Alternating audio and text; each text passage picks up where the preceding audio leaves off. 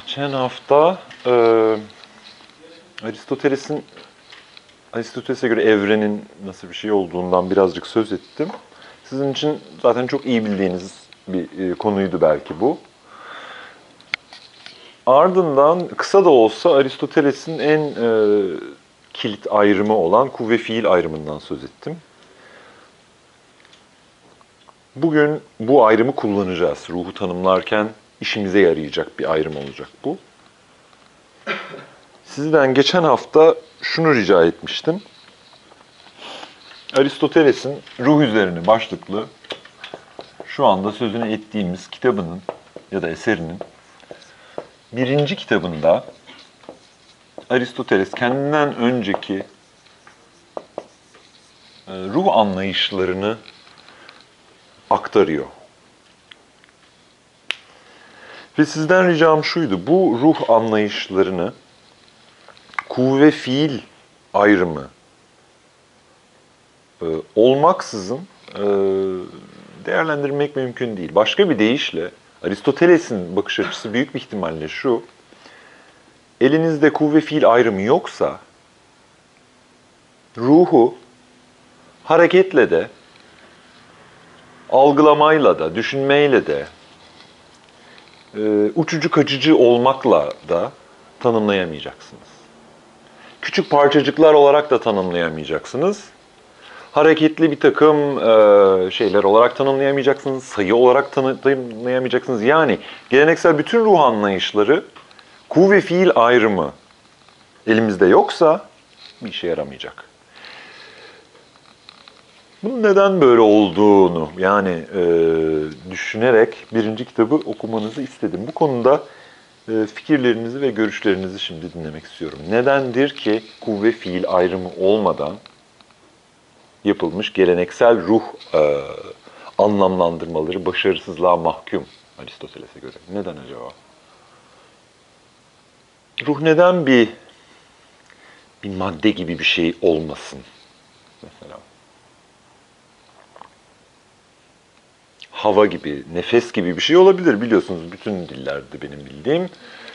Ruh nefesle bağlantılandırılan bir sözcük ve e, ölen birçok varlık nefes almayı da bırakıyor. Nefes almak hayati bir işlev. Demek ki ruh nefes, belki de nefes olabilir. Nefesten kasıt bayağı hava. Peki ruhun hava olamaması hangi sebepten ötürü olabilir? Ve bunun kuvve fiil ayrımıyla ne gibi bir alakası var? Herhangi bir fikri olan var mı?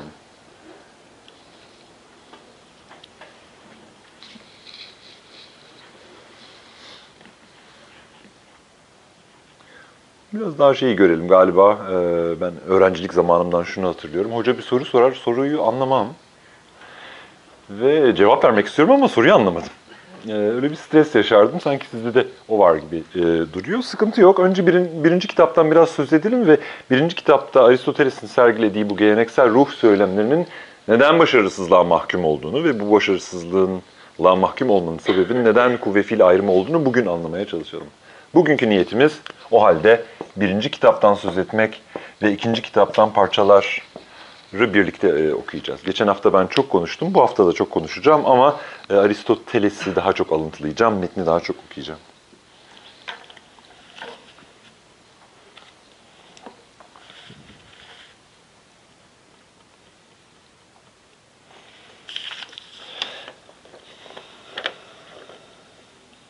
Hemen ben size e, Aristoteles'in ruh üzerine eserinin birinci kitabında ruhun nelerle bağdaştırıldığını bize anlattığını söyleyeyim.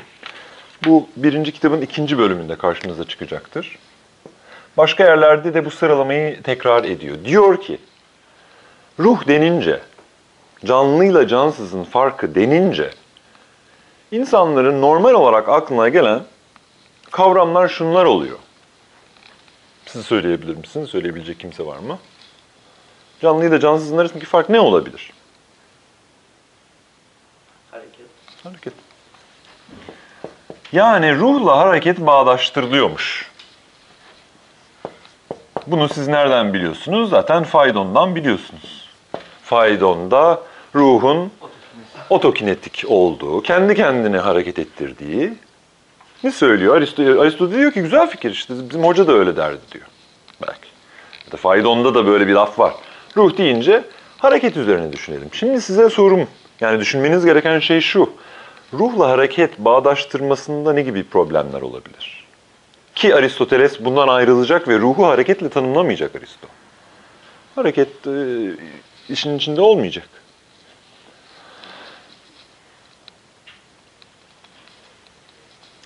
İkinci bir bağdaştırma Aristoteles'e göre var mı e, bir önerisi olan ya da hatırlayan birinci? Duyumsama.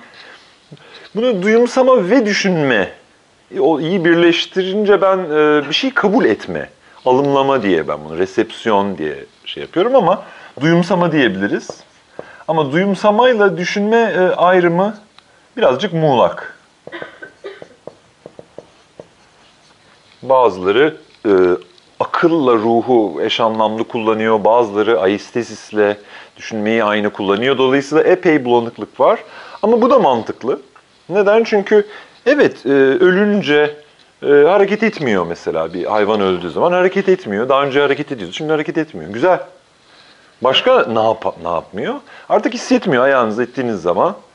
E, reaksiyon da vermiyor. Hisseder gibi bir halde yok. Bilemiyoruz tabii hissediyor mu ama görünen o ki daha önce çimdiklediğinizde sıçrayan hayvan çimdikliyorsunuz ve sıçramıyor, hareket etmiyor ve muhtemelen duyumsamadığı için, hissetmediği için hareket etmiyor diye düşünüyoruz.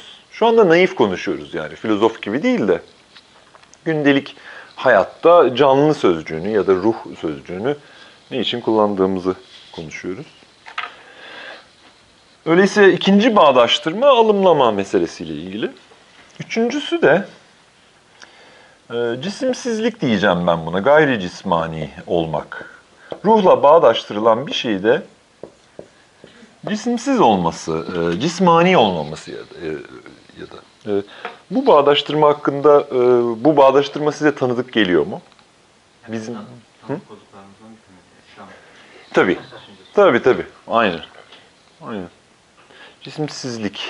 Hatta Aristoteles bunu diyor ki en küçük küçük parçalılık. Bu da önemli. Cisimsizlikle aynı şey değil tam. Ama Aristoteles ruhla küçük parçalılığın bağdaştırıldığını söylüyor. Bundan kasıt biraz havayla bağdaştırılmasıyla e, benzerlik taşıyor. Nefesle bağdaştırılmasıyla da benzerlikler taşıyor bu. Yani et, kemik dediğiniz şeylerin parçaları sanki büyük ve gözlemlenebiliyor o yüzden.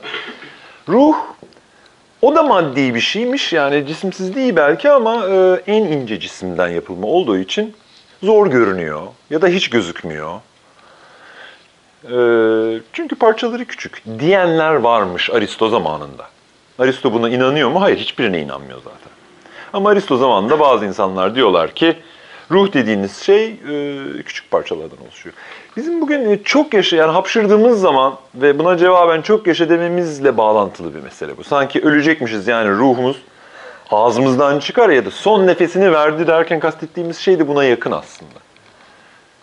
Yani son nefesini verdi demek ki yani eğer ruh o zaman o nefesle birlikte gitti gibi oluyor olabilir. Ya da İslam'da gene ruhun üflenmesi fikri kuvvetli bir fikir gene. Gene benzer bir e, demek ki şey var. E, hiç tanımadığımız fikirler değil. Ben bunu özellikle vurguluyorum. Ön sözde de görmüşsünüzdür. Aristoteles'in birinci kitapta sözünü ettiği bu görüşler, ruhla ilgili bu görüşler bize bence hiç yabancı değil. Bence çok tanıdık. Bunu şunun için söylüyorum. Ya bu eski Yunan'da 2400 sene önce yazılmış bir kitap. Ama bence hala güncel. Sebebi bu. Biz hala bunlara e, öyle ya da böyle e, tanışık olduğumuz fikirler bunlar. Öyle ya da böyle mantıklı fikirler. Üçü de güzel fikir. Aristoteles hiçbirine saçma falan demiyor. Bunlar iyi fikirler. Ama zorluklar var. Eleştirecek bu üç fikirde. Bütün bunları şey için söylüyorum. Bana kalırsa bu ruh üzerine kitabı bugün de e, birebir canlı canlı okuyabileceğiniz bir metin. Canlı canlı tartışabileceğiniz bir metin. Hatırlarsınız geçen hafta ne dedik? E, konu, öğreti ve metin arasında bir ayrım yapmıştık ya. Bana kalırsa bu öyle bir öğreti ki bugün bile ruh konusunda bize e, bizi e, heyecanlandıracak, canlandıracak, bizim kafamızı e, açacak bir öğreti bence. Dolayısıyla ölü bir öğreti olmadığını düşünüyorum burada olan biteni. Bugün yapay zeka hakkında, protezler hakkında e, çalışan, düşünen kişiler e, Aristoteles'e bakabilirler. Aristoteles haklı olduğu için değil. Aristoteles'teki tartışma hala canlı bir tartışma olduğu için. Bugün göreceğiz bunun örneklerini. Bence ben biraz e, fenomenolojiyle de e, ilgili de çalışmıştım. Aristoteles'in söylediği bazı şeyler bugün hala canlılığını e, koruyor denebilir. Okey, öyleyse e, temelde bu üç e, doktrin Aristoteles zamanında yaygınmış. Ruh dedin mi hareket ediyor mu etmiyor mu? Ediyorsa ruhu var, etmiyorsa ruhu yok. Görüyorsunuz fikir zorlandı şu anda. Zaten hareket eden şeyin ruhu vardır, etmeyenin yoktur deyince tam uyumamaya başladı zaten. Fikir takırdamaya başladı. Ve felsefede yapılan şey de bu takırdamaları ciddiye almak ve aha burada bir bit yeniği var galiba. Yani ruhla hareketin bağdaştırılması öyle ucuza kapatamayacağız bunu. Yani bu kadar ucuza kurtulamayacağız büyük bir ihtimalle. Sizden yani sizin sizin e, yazıya da yönelik bir çalışma ortamı bu anladığım kadarıyla. E, buralardan bir sürü yazı e, fikri bence çıkabilir. Ben metinde bazı yerlere işaret etmek niyetindeyim bununla ilgili olarak.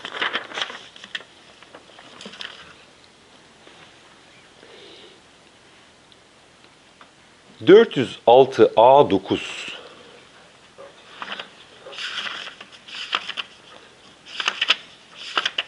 birinci kitabın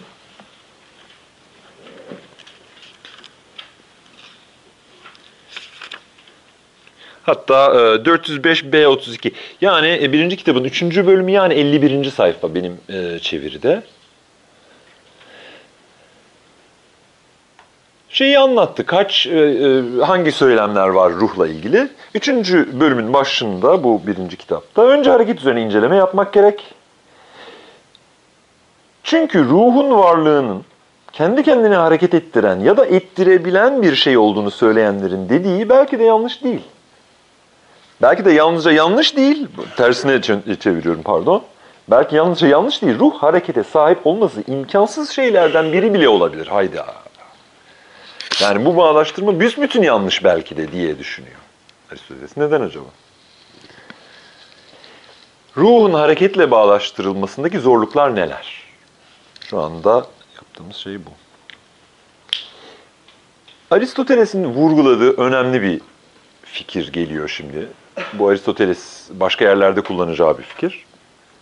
Diyor ki, hareket ettirinin kendisinin de illa hareket etmesi gerekmez. Daha önce söylemiş olduğumuz gibi fizik, fiziğe gönderme yapıyor. Şimdi bu, bu Aristoteles buna, bu fikre çok yatırım yapıyor.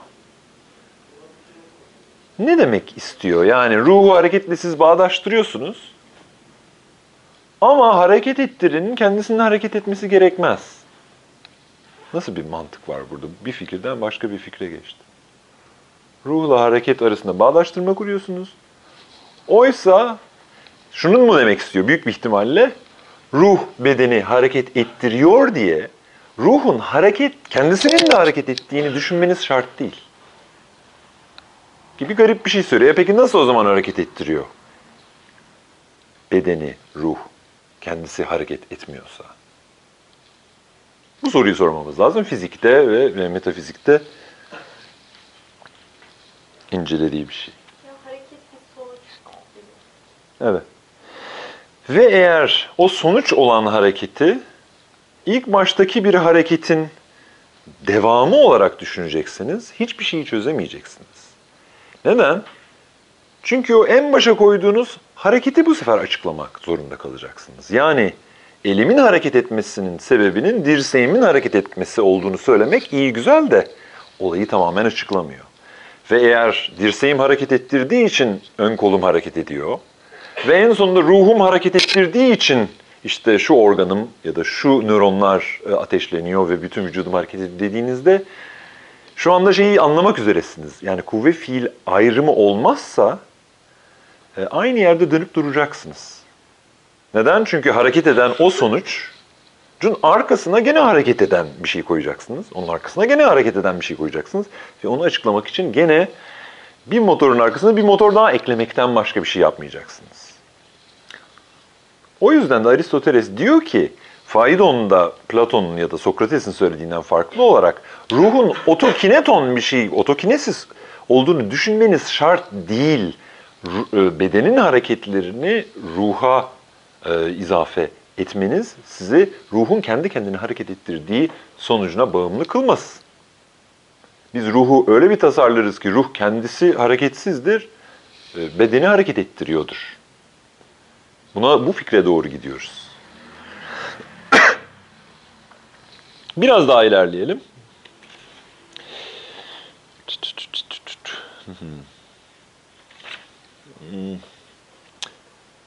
Tam sevdiğim e, yeri bulamadım.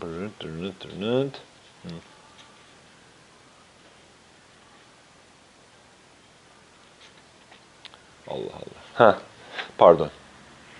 406 A12 yani 53. sayfaya bir sekelim.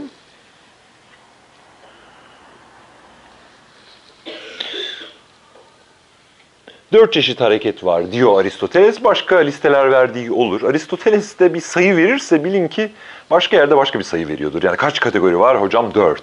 Sonraki gün soruyorsunuz on. Sonraki gün sayıyı 12 tane falan çıkıyor. Oluyor bu. Neden böyle zor bir soru. Ama Aristoteles'i bu anlamda güvenmiyor. Dört çeşit hareket var diyor. Başka yerlerde başka şeyler söylüyor. Yer değiştirme, başkalaşma, e, azalma ve çoğalma. Diyor ki eğer bedende gördüğümüz bu hareketlerin sebebi ruhsa ve ruh da beden bu hareketleri yapıyor, ruh da kendisi de hareket eden bir şey ve vücuda aksettiriyor adeta bunu. Böyle düşünüyorsanız diyor. Bakalım ne gibi problemler çıkacak. Ruh bunların ya birine ya birçoğuna ya hepsine göre hareket edecek. Yani ruh yer değiştirdiği için vücudu da yer değiştirtecek. Yani ruh diyelim öne doğru hareket edecek. Vücudu da o yüzden itecek öne doğru. Ya da ruh büyüyecek, e, beden de büyüyor onun etrafında adeta. Bu hangi pro, hangi varsayımı şu anda tartışıyoruz? Ya bedende bir takım hareketler var. Ruh onun içindeki e, hareketli bir şey olsun. Aristoteles bu fikri saçma buluyor. Bu fikrin saçmalığını göstermeye çalışıyor. Ne derseniz deyin ruhu küçük bir takım minik atomların falan hareketiyle açıklayamayacaksınız diyor. İsterseniz atom, isterseniz elektron, isterseniz e, karbon molekülü ne derseniz deyin. Biraz daha ilerletelim. Neymiş sebebi? Peki ruh içeride bu hareketlerden birini, birkaçını ya da hepsini yapsın ve bunun sonucu olarak da beden büyüsün, yer değiştirsin, şu bu.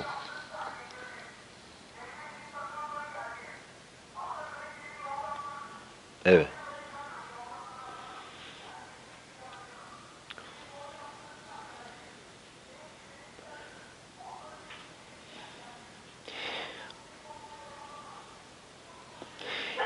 Bunun e, çok şey. Buradaki problemlerden bir tanesi ruhun bir yerinin olması gerekecek. Eğer ruhun bir yeri varsa ve, be, ve beden de hareket edecekse ruhla beden aynı yerde olacak. Burada bir zaten karışıklık var. Bence daha ilginç, e, Aristoteles'in daha güçlü bir itirazı şu. Diyor ki,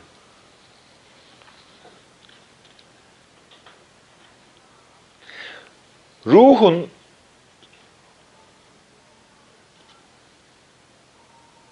ruhun bedeni hareket ettirdiği apaçık olduğuna göre ruhun kendisi nasıl hareket ediyorsa bedene de öyle hareketler yaptırması mantıklı. Bu durumda tersinden beden nasıl hareket ediyorsa ruh da o hareketleri yapıyordur demek de doğru olur. Ama beden yer değiştirme anlamında hareket ediyor. Dolayısıyla ruh da bedeni izleyerek bütünüyle ya da parçaları bakımından yer değiştirecek. Ve bu olabilirse ruh bedenden e, çıkıp yerine girmesi de mümkün demektir. Bunun sonucu da ölmüş hayvanların dirilmesidir. Sıkıntı şu, eğer bedenin hareketlerini ruha dayandırıyorsanız ve ruh da bir takım partiküllerin hareket etmesi ise bütün vücudun hareketi problemini o içerideki küçük şeyin hareketi problemine indirgemiş oluyorsunuz. Esasında aynı topu taca atmış oluyorsunuz esasında. Çünkü o içerideki ruhun peki hareket etmesini e, nasıl açıklamanız e, gerektiği sorusu karşımıza çıkıyor.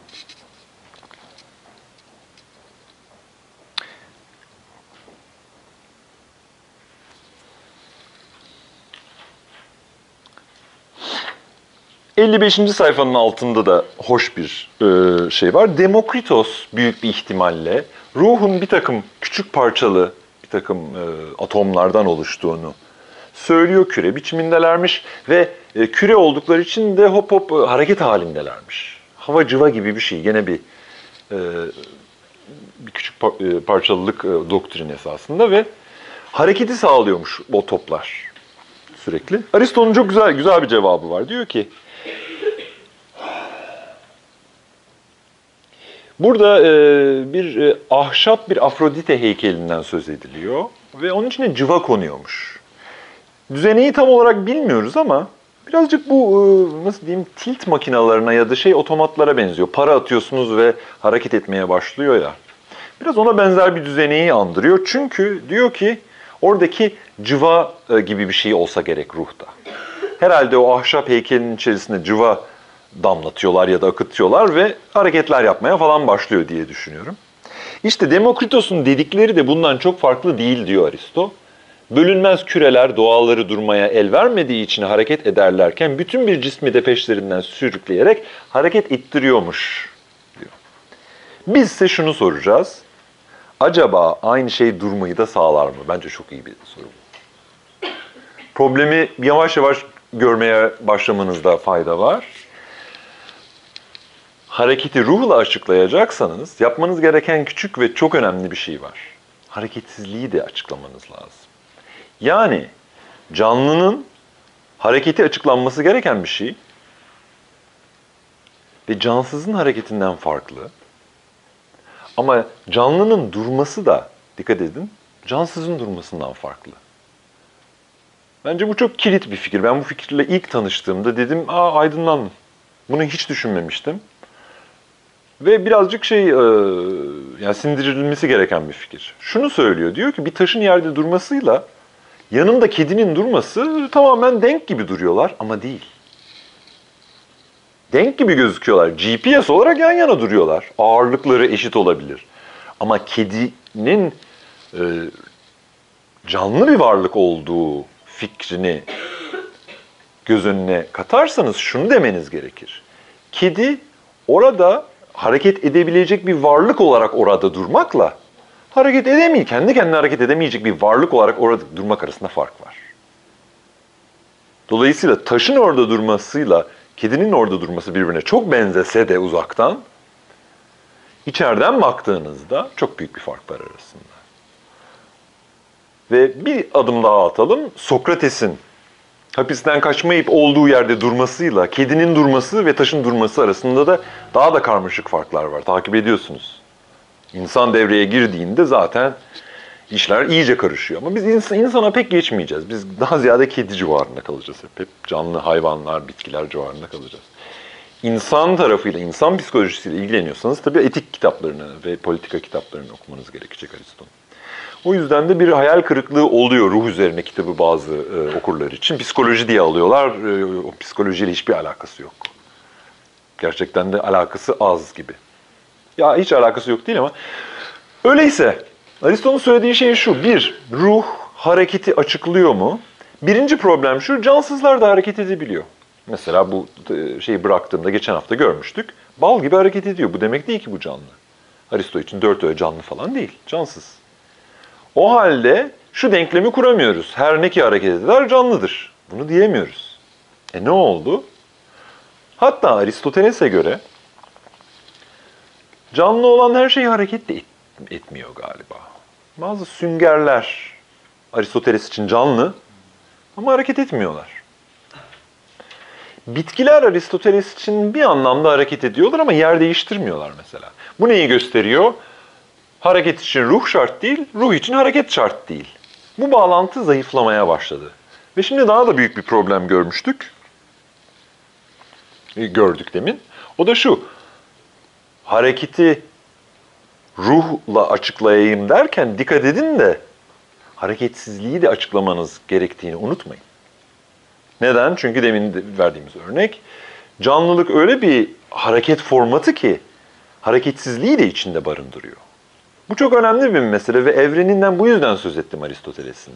Ay üstünde hareket bir teviye bir hareket olduğu için hareketsizliği içermeyen bir hareket formu.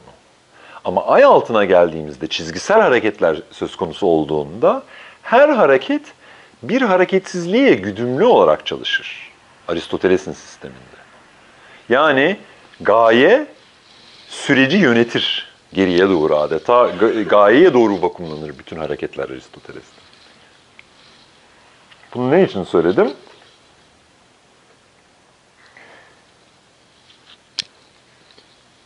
Ay altında hareket eden her şey ruh sahibi olmadığı gibi ruhla birlikte çok pardon. Alo. Bu, buyurun.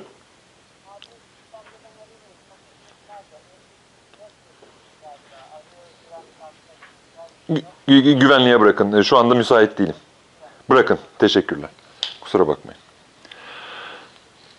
Öyleyse e, ruhun açıklaması gereken şey yalnızca hareket olmuş olsaydı biraz o otomatlara benzer bir yol, bir, bir şey yapardık. Derdik ki yürütmeye çalışıyoruz biz bunu. Nasıl yürüteceğiz? Ee, ne bileyim ben kukla gibi ya da işte para atıyorsun. O paranın mekanik e, olarak başlattığı bir tür zemberek hareketiyle bir hareket başlıyor.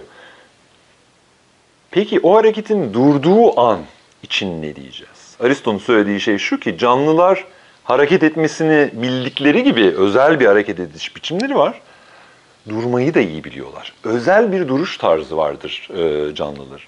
Başka bir deyişle kedinin orada durmasının taş için mevzu bahis olamayacak bir anlamı var. O da şu, oraya, e, oraya varmış durumda o kedi. Taş oraya varmış durumda değil. Taş yerin dibine gitmek istiyor. E, Taş sürekli mutsuz bir anlamda. Hiçbir zaman rahat değil. Kedi orada rahat olduğu için duruyor. E, Karnı aç, aç olmadığı için, korkacak bir şey olmadığı için, hafif sıcak, derli toplu, kuru muru. Kediler çok güzel yer seçerler zaten. Bu da böyledir. Yani o yeri bir yere kadar seçmiş durumda o kedi. Taş için mevzu bahis olmayan bir şey. Bütün bunlar neyi gösteriyor? Ruhu hareketle bağdaştırırsanız iyi güzel edersiniz de bilin ki ruhun bazı hareketsizlikleri de açıklaması gerekecek. Fırlattığınız bir taşın yere düşmesiyle bir kuşun bir kuşun yere konması arasında dev bir fark vardır. Bunu anlatmaya Yani çalışıyoruz. tartışmada çok genel kalıyor, yüzeysel kalıyor başka. Biraz öyle, biraz öyle. Evet, daha spesifikleştirmemiz lazım. Çünkü her hareket canlının hareketi değil.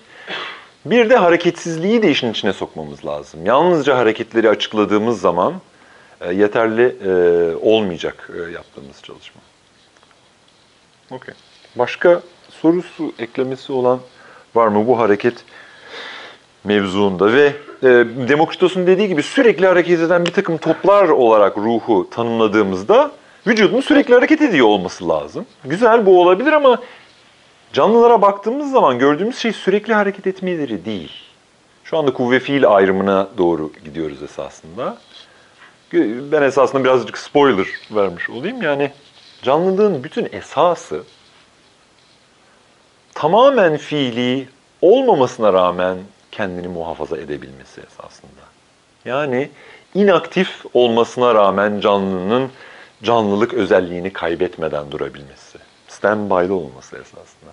Hocam Buyurun. bu hareket sadece e, işte bu dört çeşit üzerinde düşünsek, yani benim durduğumda da hareket etmediğimde de hareket eden bir şey var. Mesela kan dolaşımı. Yani bunu nasıl açıklayacağız? Bunu hareket olarak algılamayacak mıyız? Ee, Aristoteles e, kan dolaşımını bilmiyor. Kan dolaşımı 16. 17. yüzyılda bulunuyor. Bu Biraz tuhaf bir fikir. Peki kan nasıl duruyor içimizde? Galiba hareketsiz duruyor. Ama beslenme için en azından e, beslenme konusunda Aristoteles'le anlaşabiliriz. Beslenme için de aynı şey geçerli. Ee, yani beslenmede de e, bir besin alınıyor. Bir süreç başlıyor. Tıpkı o otomatın yaptığı hareketler gibi otomatik bir takım hareketler. Ama bir yerde duruyor. Birazdan bunu göreceğiz. İkinci kitabın dördüncü bölümüne geldiğimizde ki bugün değineceğiz ona ya da hatırlatın bana. Empedokles diyecek ki ya bu ruh dediğiniz şey ateşe çok benziyor.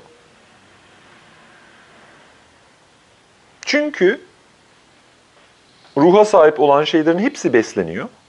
Ateş de besleniyor. Ateşe başka bir şey veriyorsun, ateş kendisine çeviriyor. Aynı şey canlılar için de ne bileyim ben ağaca su veriyorsun, su vermiyor, ağaç çıkıyor.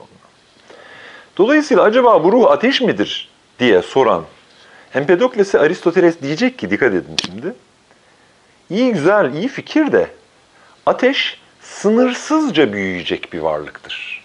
Yani ateşe sen malzeme verdiğin müddetçe ateşin büyümesinin hiçbir içkin sınırı yoktur. Oysa ağaçların, bebeklerin, böceklerin beslenmesinin bir limiti ve sınırı var. Bir çocuk büyüdüğü zaman bir sınıra doğru büyür. Ama ateş hiçbir sınıra doğru büyümez. Yani şunu anlatmaya çalışıyorum. Kan dolaşımı ve benzeri hareketler Aristoteles'te organik şeylerse o organik şeylerin de sınırı var esasında. Nedir o sınır? Ee, şeyde beslenmenin sınırı şu olacak. E, besini e, sindirme olacak. Ben suyla yaptığım harekette yalnızca bir hareketi yok. Aynı zamanda o hareketin sonu var. Yani bir hareketsizlik noktası var. O da ne? Su artık bana dönüşmüş olacak. Orada e, beslenme bitiyor. Esasında fikir bu. Var. Bence bu beslenmeyle bu e, yani kan dolaşımı ya da mesela bilmiyorum e, o zaman hani tam olarak insana bakışını Hı hı. ama kalp atışı mesela. Evet hiç Hani durmuyor, hiç ya da durmuyor. Bilmiyorum. Hani her bir şekilde o vücudun kendi kendine bir hareketi olduğunu sanki anımsamak biraz e, hareket noktasını değiştiriyor gibi geldi. Hmm. Doğru söylüyorsunuz. Doğru söylüyorsunuz. Yani kalp atışının sürekli olması e, aslında fazla bir şey değiştirmeyecek. Çünkü kalp sürekli atsa bile e, canlılık sırasında sıkıntı şu ki e, başlayan ve biten hareketleri başlatması gerekecek. Gene sürekli hareket eden bir şeyin. Tıpkı bir zemberek gibi. Ve söylediğimiz sebeplerden dolayı yalnızca hareketle tanımlanmış bir şeyin başka hareketlere yol açması çok mantıklı da hareketsizliklere yol açması pek mantıklı değil. Açıklanması zor olan şey bu. Yani benim bütün hareketlerimi kalp atışıma bağlayacaksanız ya da bir kalp piline de bağlayabilirsiniz. Açıklayamayacağınız bazı şeyler olacak. Pil dediğiniz şey ya da sürekli hareket eden bir şey olarak kalp, bir pompa olarak kalp sürekli e, işini yapıyor. Sürekli fiili, tam olarak fiili. Oysa göreceğimiz gibi ruh ya da nefs bir e, kemale evvel. Yani bir birincil fiil, ikincil fiil değil. Birazdan onu zaten e, okumuş gibi bakıyorsunuz. Bilmiyorum tatmin edici mi ama e, kalbin bu hareketi ateşi andırıyor esasında. Ve ateşle ruhsal e, şeyler, e, etkinlikler açıklanamadığı gibi yalnızca kalbin hareketiyle de e, açıklanamaz gibi duruyor. Bilmiyorum, e, tatmin ettim. Siz bir soru vardı. Peki. Empedoklesin ateşle ruhu özdeşleştirdiğini söylediniz. E, ama buna Aristo'nun cevabı e, yani varlık yani beden bulmuş varlıklarla da cevap oldu. Bu çok orantılı gelmedi bana. Yani şöyle ateşle ruhu özdeşleştirirsek ruh zaten gözüken bir şey değil ki. Yani mesela büyü- büyümesini ölçemeyiz, yayılmasını ölçemeyiz. Orada bir, bir karıştırma. Yani ağacın, insanın bir sınırın olmasıyla hani ruh farklı değil mi? E, o zaman Empedokles'e şey demek lazım. Yani sen ruhun e, ateş olduğunu söylüyorsun. Biraz saçma geliyor sizin anlayışınıza göre. Şu olabilir. Empedokles bir şair. Belki kastettiği şey ki biz de ruhla ateşi bazen şey yaparız. E, bağdaştırırız biraz metaforik olarak. Yani ruhu kemiren ateş ya da e, ruhun sönmesinin ateşin sönmesine benzetildiği e, bazı durumlar vardır. Bunu şunun için söylüyorum. Ateşi boş verelim, yalnızca sıcaklık diyelim. Ve Bunu anladım. Aristo'nun cevabı Hı cevabını doğru o şunu söylüyor, diyor ki ateş de deseniz, sıcaklık da deseniz, ateşe ya da sıcaklığa içkin bir sınır yoktur, bir büyüme sınırı yoktur. Yani Aristoteles'e göre en azından sıcaklık sonsuza kadar e, yüksek yükselen bir sıcaklık olabilir. Ama ruh dediğimiz şey, ruhun bir yetisi beslenme yetisi. Aristoteles diyor ki canlıların beslenişi öyledir ki doyma vardır, durma vardır. Ve o durmayı içeren bir harekettir esasında canlıların büyümesi. İşte ateşte ya da sıcaklıkta olmayan da bu diyor. Anlatabildim mi? Peki o içkin sınırı anladınız mı? Yani bir çocuk e, beslendiği zaman birincisi orantılı olarak büyüyor bir. Yani birazcık kolu uzuyor, sonra öbür tarafı uzuyor değil. Hep birlikte uzuyorlar. Peki. Ve e, 17 metrelik insan yok. 100 metrelik e, şey e, kertenkele de yok. Ama bu ruhla beslenmeyi özdeş kabul edersek. Doğru. Yani Doğru. beslenmeyi alt olarak kabul edersek, ruh daha büyük, daha farklı bir şeyden söz ediyorsak belki empedokrasi bir yol bulunabilir. Tabii tabii bulunabilir. Bulunabilir. Evet evet o konuda haklısınız. Oradaki tartışma şu, e, yani diyecek ki ruhun e, bazı fonksiyonları var diyeceğiz bir noktada. Beslenme bunlardan en e, temel olanı diyecek. Ve beslenme olgusuna bakaraktan Empedokles ruhu ateşle bağdaştırmış. Yanılıyor çünkü canlıların beslenmesini biz ateşin beslenmesi e, tarzında açıklayamıyoruz. Sebebi ateşin beslenmesinin kendine içkin hiçbir sınırı yok. Ama bütün canlıların beslenmesinin kendine içkin bir sınırı var. Bitki ilginç bir problem olacak. Bitkiler yani sonsuza kadar büyüyor gibi bir e, halleri var. O bile tam olarak doğru değil Aristoteles'e göre. Çok büyük ağaçlar var e, ya da bir sarmaşığın çok büyüdüğünü düşünebilirsiniz. Ona rağmen e, herhalde e, o sarmaşığın bile bir tür bes- beslenmeye dair bir tür içkin sınırı var diye düşünüyor olsa gerek Aristoteles. Başka bir deyişle e, inorganik olanla organik olanı açıklayamayacaksınız demeye getiriyor bugünkü te- terimlerle. Öğelerle açıklayamayacaksınız e, canlılığı. Neden? Çünkü öğeler ya hareket ediyor ya hareket etmiyor. Canlıların yaptığı özel bir şey var. Evet hareket ediyorlar da duracakmışçasına yani durmayı içeren bir hareket içerisindeler. Bir amaçlılık içerisinde hareket ediyorlar. Ve durdukları zaman da o yüzden hareket edebilecek ya da hareket etmiş bir şeyin durması e, anlamında duruyorlar. Şey Buyurun.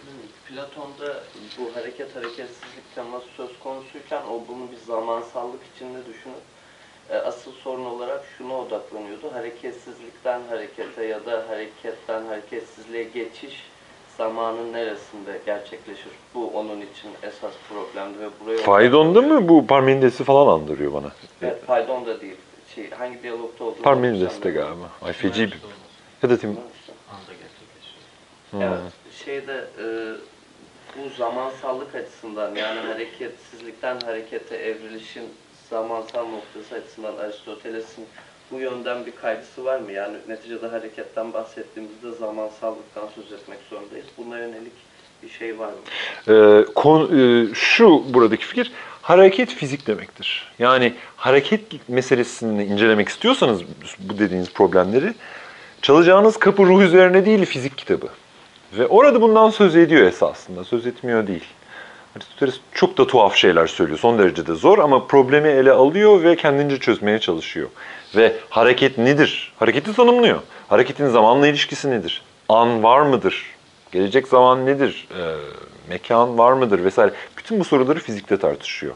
Neden fizikte tartışıyor? Çünkü canlılığa, canlılara özgü bir şey değil harekette ondan. Anlatabildim mi? Yani başından beri anlatmaya çalıştığım şey ruhun hareketle bağdaştırılması ya da tanımlanması ı-ı. öyle hareket eden şeyler var ki canlı değil, öyle canlılar var ki hareket etmiyor. Kaldı ki canlıların, hareket eden canlıların hareketi hareketsizliği de içermek durumunda gibi gözüküyor. Ama şunu fark ediyorsunuz, e, Harvey'in 17. yüzyılda kalp, e, daha doğrusu kan devri daimini keşfetmesi büyük bir anti-aristocu hareketin bir momenti esasında. Dolayısıyla vücuda Esasında Harvey bir Aristocu bildiğim kadarıyla ama o dönemki e, keşifler ve ilerlemeler açısından baktığınızda Aristoteles'in büyük bir çöküş yaşadığı bir yüzyıl sonuçta. Dolayısıyla e, sorduğunuz soru manidar ve o insanlara da manidar gelmiş. Aristoteles göya her şeyi biliyor gibi ama kanın devir daim ettiğini bile e, görmüyor vesaire. O yüzden Hobbes'da mesela iki tür hareket olacak. E, iradi olmayan hareket, kalp atışı gibi ve iradi olan hareket falan filan. Okey öyleyse yaptığı şey şu, ruhu e, hareketle biz bağdaştırıyoruz gündelik konuşma biçiminde. Ama biraz e, yakından incelemeye çalıştığımızda, biraz netleştirmeye çalıştığımızda çalışmamaya başlıyor bu bağdaştırma.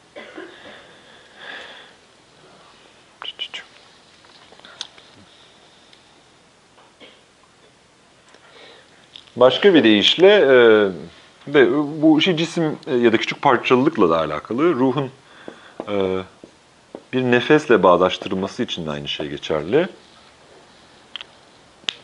Eğer nefes ruhu hareket ettiriyorsa aman ha dikkat edin nefesin pardon eğer nefes vücudu hareket ettiriyorsa yani ruh bir nefesse aman ha dikkat edin aynı nefes ruhun hareket etmemesini de sağlamalı. Çünkü tekrar tekrar aynı şeyi söylüyorum kusura bakmayın ama e, canlılık yalnızca bir hareket meselesi değil canlılık hareketliyken bir durma meselesi de aynı zamanda. Hiçbir varlık bir canlının durduğu gibi duramaz. Deminki kedi örneğinde olduğu gibi. Okey. Ee, ilerleyelim bakalım. Buna benzer zaten aynı alanda dolaşacağız bir süre.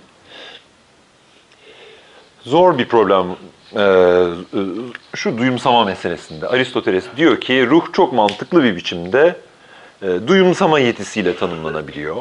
Düşünme yetisiyle çok tanımlanabiliyor tabii. Ee, O Homeros örneğinde bile bu var. Diyor ki e, Hector mu Aşil galiba e, kafasına bir darbe alıyor ve e, garip garip şeyler düşünmeye başlıyor ya da e, e, düşünce kuvveti e, ruhundan çıkıyor, e, gidiyor ve sonra geri geliyor.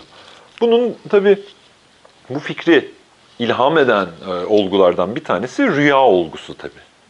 Yani uyuyorum, hiçbir şey görmüyor olmam lazım. Ne bileyim ben ölmüş anneannemi görüyorum. Yani gerçekten onu gördüm mü? Peki öyle gözükmüyor. Peki o zaman ne oluyor? Yani gözüme dışarıdan bir uyarım gelmiş gibi durmuyor ama ben anneannemi gördüğümü düşünüyorum. Burada bir şey oluyor, bunu açıklamamız lazım. Daha doğrusu antropolojik olarak ruhla ilgili öğretiler sıklıkla rüya ve ölüm olgularından hareketle e, sorgulanmaya başlamış derler. Alımlamada bir zorluk var. Bu e, yani ruhun alımlamayla bağlantısı e, bağdaştırılması mantıklı dedik. Daha doğrusu doğal, bizim de yaptığımız bir şey, bizim de konuşma biçimimizde var. Size sorum şu, ruhun alımlamayla yani düşünme ya da e, duyumsamayla bağdaştırılmasında ne gibi sıkıntılar olabilir? Şu anda belki de yakaladık yani. Ha ruh hareketle bağlantılı değil galiba. Bu daha iyi bir yol belki. Dediğimizde karşımıza ne gibi problemler çıkabilir? Canlıyı cansızdan ayıran şey duyumsamasıdır desek ne olur? Ee,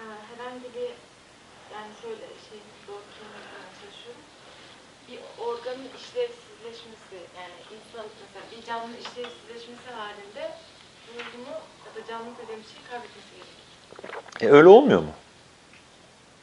Olmuyor yani. Örnek verin. Mesela bir insan beş duyusunu kaybedebilir ama e, düşünmeye devam eder. Hmm. Peki. Peki. Anlamadım dediğinizi.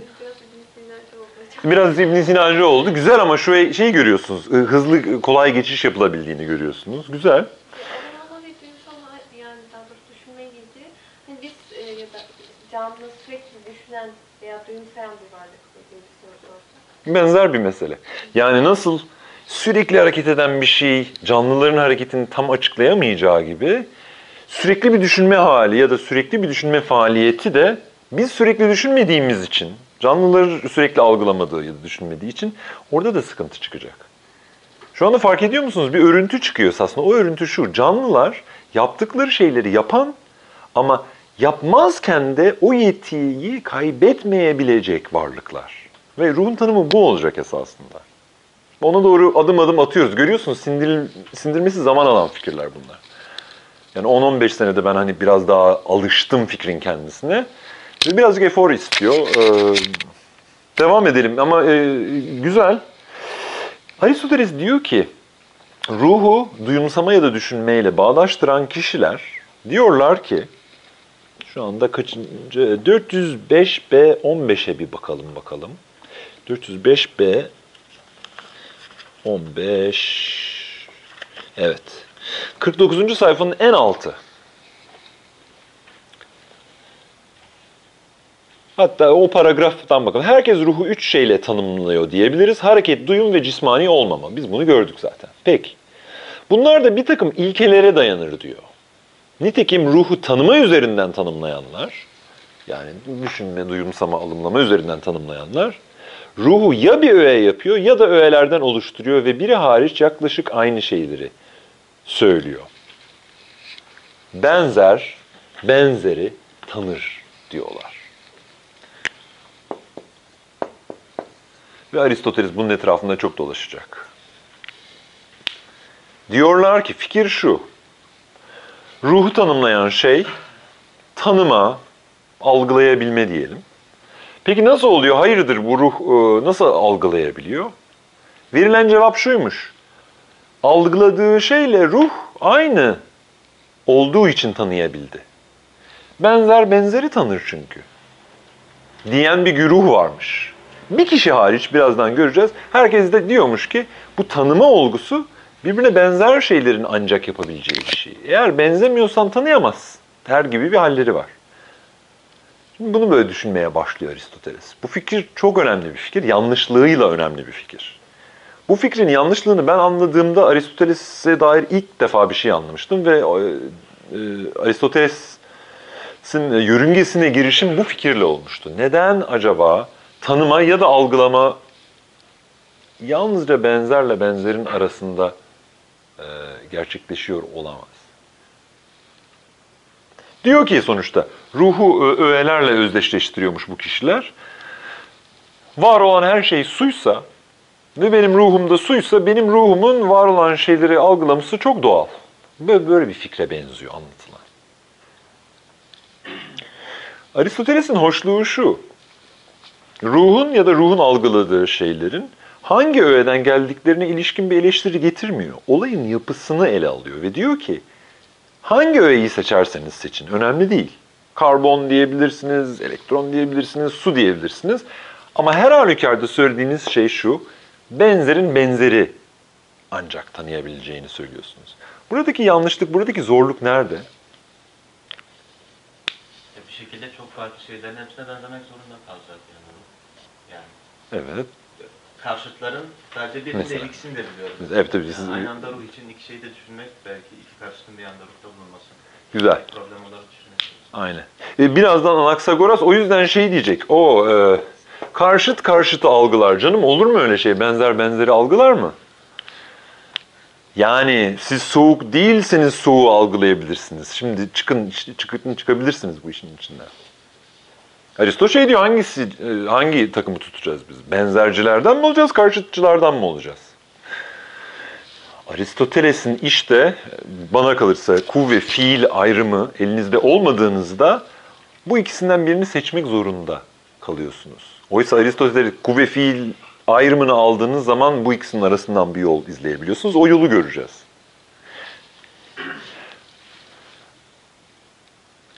Metne dönelim. Metin neredeydi? Ha, ruh her şeyi, evet, benzer benzeri tanır diyorlar. Peki, ruh her şeyi tanıdığına göre de ruhu bütün ilkelerden oluşturanlar varmış. Yani ruh ateşi de, suyu da, toprağı da, havayı da algılayabiliyor. Demek ki hepsinden koyalım ki içine ruhun. Benzer benzeri tanıdığına göre işte ateşi algılamak için ateş, suyu algılamak için su, toprağı algılamak için toprağı kullansın ruh. Elinde her şey olsun ruhun. Peki.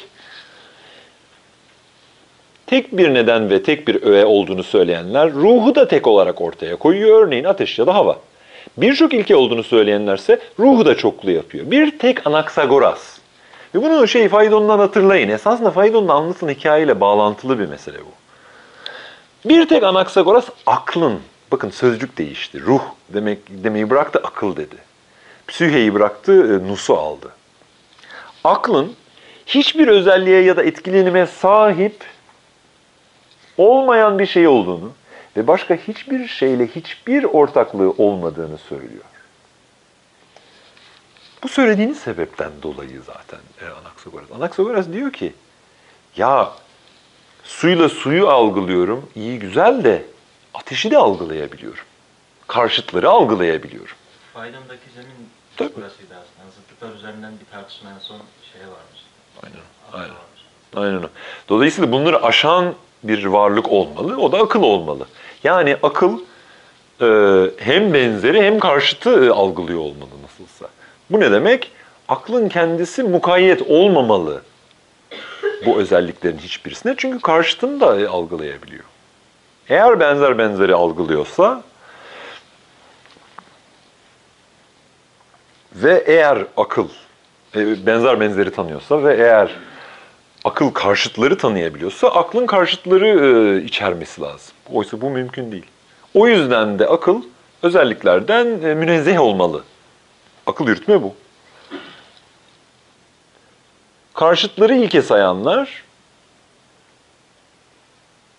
Burada şey hatta aynı cümleye devam edeyim. E, Faidon'da Sokrates'in Anaksagoras'a serzenişinden sonra şimdi de Aristoteles'in Anaksagoras'a ilişkin serzenişi var. Ama bu durumda yani Anaksagoras'ın dediği gibi ise akıl nasıl ve hangi nedenden dolayı tanıyacak bunu söylemediği gibi söylediklerinden açık bir şey de çıkmıyor. Peki karşıtları ilke yapanlar ruhu da karşıtlardan oluşturuyor.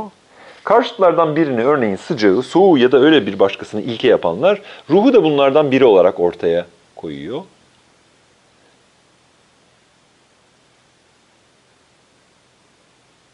Sözcüklerin peşine takılmalarının nedeni de bu zaten. Bazısı ruh sıcaktır diyor çünkü yaşamak sözcüğü bundan yani kaynamak anlamında zeyn fiilinden geliyormuş. Bazısı soğuktur diyor. Çünkü ruh sözcüğü de soluk almaktan ve serinlemekten geliyor. Yani Yunanca sözcüklere bakarak biz de yapıyoruz ya onu etimolojiye bakarak sanki etimolojiye e, ya etimolojiyle mukayyetmiş gibi sözcüklerin anlamları. E, eski Yunan'da da bu bu e, bu uygulama karşımıza çıkıyormuş. Biraz toparlayalım. Birazcık dağıldı galiba bu, bu bağdaştırma meselesi. Biraz daha dağılsın diye. Peki biraz daha alsın tamam. Bu ruh, ruhun yani biraz bilmek manasını kullanmak istiyorum. Hani ruhun kendisini bilmesi nasıl oluyor? Şimdi şöyle bir düşünce var İslam düşüncesinde bazılarına göre. E, insanın kendisini bilmesi, o kendi ruhunu bilmesi, kendisine benzer bir ruhunla, ruhun o kendisine benzer bir ruhun karşılaşmasıyla, e, işte onun kendisini hatırlatmasıyla ya da kendisini orada bulmasıyla e, bir bilme gerçekleşiyor. Yani şöyle, tanıdık ruhlar ben ve işte benim benim ruhumun tanıdık bir ruhuyla karşılaşmasıyla bir tane e, ruhun bilinmesi ortaya çıkıyor. Hani benzer benzer diyebiliriz bundan yani. Orada temel mesele şu. Karşıtları nasıl anlayacağız? Eğer ben kendimi kendime benzer birisinde buluyorsam e, karşıtları nasıl bulacağız? diye bir mesele var. E, gerçekten burada da e, benzer kendin benzerden buluyor. Hani bilmek de bununla alakalı mı? Sorun Tabii. yani. Tabii. İnsan E- kendini bilmesiyle, hani ruhunu bilmesi de bununla alakalı. İnsanın kendini bilmesi çok çok karmaşık bir olay. Şu anda çok basit hayvanlarda falan yani bayağı solucanını da açıklamamız lazım. Yani elim kalorifere dokunduğu zaman sıcağı alımlıyor, duyumsuyor, tanıyor. Aa canlıyım işte ben. Tabii benim benim eldivenden farkım o. Oraya ben e, işte kurusun diye eldiveni bırakmışım. Eldiven ısınıyor. Elim de ısınıyor koyduğum zaman elimi ama elim başka bir şey daha yapıyor. Ne yapıyor? Sıcaklığı hissediyor, tanıyor. Şimdi bunu açıklamamız lazım.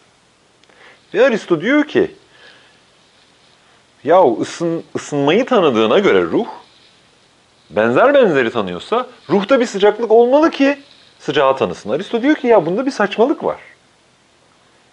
Nedir bu saçmalık? E çok basit esasında. Zaten sıcak olan bir şeyin sıcaklığı algılaması mevzu bahis olamaz ki. Zaten sıcak. Kendisinde olan bir şeyi dışarıdan alımlıyor olmayacak eğer benzer benzeri tanıyorsa. Başka bir deyişle eğer sizin verdiğiniz örnekte benim kendimi bulduğum ruh gerçekten benimle tıpatıp aynı, tıpatıp benzer bir ruhsa e, oradaki e, kesret ortadan kalkmış demektir. Ve kesretten biz vahdete girmiş olmayacağız. Baştan beri zaten var olan bir vahdet olacak. Dolayısıyla hem bir tür karşıtlık hem bir tür çokluk olmalı hem de oradan kaynaklanan bir tür birlik olmalı esasında varacağımız yer o olacak. Ben size yani çözüm olarak esasında fikir şu, bil kuvve farklı olan şeyler bil fiil bir oluyorlar. Kuvve fiil ayrımını kullanaraktan buradan manevra yapabiliyoruz diyecek Aristo esasında. Başka bir deyişle eğer benzer benzeri tanıyorsa benzer benzeri nasıl tanısın? Benzer zaten. Nasıl tanıyacak ki? Zaten aynı şey söz konusu orada. Sıcaksa sıcak, suysa su. Ben bunu e, şey yaptığımda dediğim gibi benim jetonum şöyle düştü. Dedim ki yani ben topraksı bir varlığım. Yani toprak e, parçaları var Aristoteles'in anlayışında. Ve topraksı şeylere dokununca anlıyorum. Şimdi bu benzerciler diyor ki top, topraksız şeyleri tabii anlıyorsun çünkü sende bir toprak var. Ya da ruhunda toprak var, vücudunda pek. İyi güzel de dikkat edin şimdi. Eğer toprak toprağı tanıyorsa vücudumun bütün parçaların birbirini hissediyor falan olması lazım. İç organlarımı falan hissediyor olmam lazım. İç organlarımı hissetmiyorum. Dışarıdakileri hissediyorum. Nasıl oluyormuş? Eğer toprak toprağı tanıyorsa her toprak parçasının başka bir toprak parçasını tanıyor olması gerekir ve ben ne bileyim ben midemi, beynimin kıvrımlarını falan hissediyor olmam lazım. Hiçbirini hissetmiyorum. Hayır. E, Kanın e, damarlarında akışını hissediyor olmam falan gerekir. Hiçbiri olmuyor ama dışarıda bir şey olduğu zaman ha bu- bunu hissediyorum. Dışarıdaki toprağı hissediyorum da vücudumun içerisinde bulunan toprak vücudumun içerisinde bulunan toprağı hissetmiyor. Hayırdır. Madem benzer benzeri tanıyor. Anlatabildim mi? Fikir buydu. Beni beni uyandıran fikir biraz buydu. Tahmin edebiliyorsunuz karşıtın karşıtı algılamasında da benzer problemler var. Orada da karşıt karşıtı hiç algılayamaz çünkü e, karşıtlar yan yana bile gelemez zaten. Mevzu bahis bile olamaz. Şimdi şuna dikkatinizi çekmek istiyorum. Aristoteles ruhun alımlamayla, diyelim duyumsamayla bağdaştırılmasında iki güruh olduğundan adeta söz etti. Ve ikisini de çürüttü esasında. Dikkat edin, e, şunu bilmenizde belki fayda olabilir. E, Belki de e, rakiplerini çok karikatü- karikatürize ediyor olabilir. Yani birazcık çöp adam argümanı olabilir. Aklınızda olsun diye söylüyorum. Aristoteles bence şeydir, yani dürüst bir filozoftur tabii ki. Ama aklınızda olsun, çok formalize ediyor olabilir. Bu kitabın arkasına ek, galiba bir olarak yerleştirdiğim bir ekte bu benzer mi benzeri etkiler, karşıt mı karşıtı etkiler meselesini okuyabilirsiniz. Güzel, e, an, şey kolay anlaşılan bir bölümdür. Birazdan döneceğiz bu meseleye ama şu anda göstermeye çalışacağım şey ruh eğer duyumsuyorsa ve ruh bir takım öğelerse bu iş zor gibi gözüküyor. Fikir bu. Birazdan bunun e, şeyine geri döneceğiz. Aa, bir tane daha fikir var ruhla bağlaş, bağlaştırılan. Bu ilginç bir fikir. Bir ahenk olduğunu söyleyenler var. Aristo buna karşı çıkıyor. Bu Faydon'da da geçen bir fikir. Simyas söylüyor bunu. Aristo'nun, e, bence Aristo'nun ruh anlayışına çok benziyor bu ahenk meselesi. Ama Aristo karşı çıkıyor.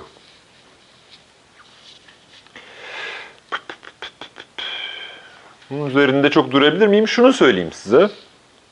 Aristoteles diyor ki eğer ruh bir ahenkse birazcık simyası andırırcasına o ahenk bozulunca ölüyorsak yani ölü, ölüm ne demek? Bir tane orantı var. O orantıyı birazcık zorluyoruz. Zorladığımızda ölüm olmuyor ama birazcık abartırsanız buradaki orantıyı adeta kırılıyor. Yani bir e, enstrümanın kırılması gibi. Bir, bir akordun bozulması gibi. Aynen, aynen. Acaba böyle bir şey mi ruh diye diye düşünüyorlar. Aristoteles esasında e, bence biraz e, olumlu bakabilir bu fikre, bakmıyor. Şunu diyor, diyor ki Ya ruh eğer bir orantıysa ve orantı bozulduğu zaman ölüyorsak, peki diyor ki vücutta, canlının vücudunda bir sürü yerde bir sürü farklı orantı var.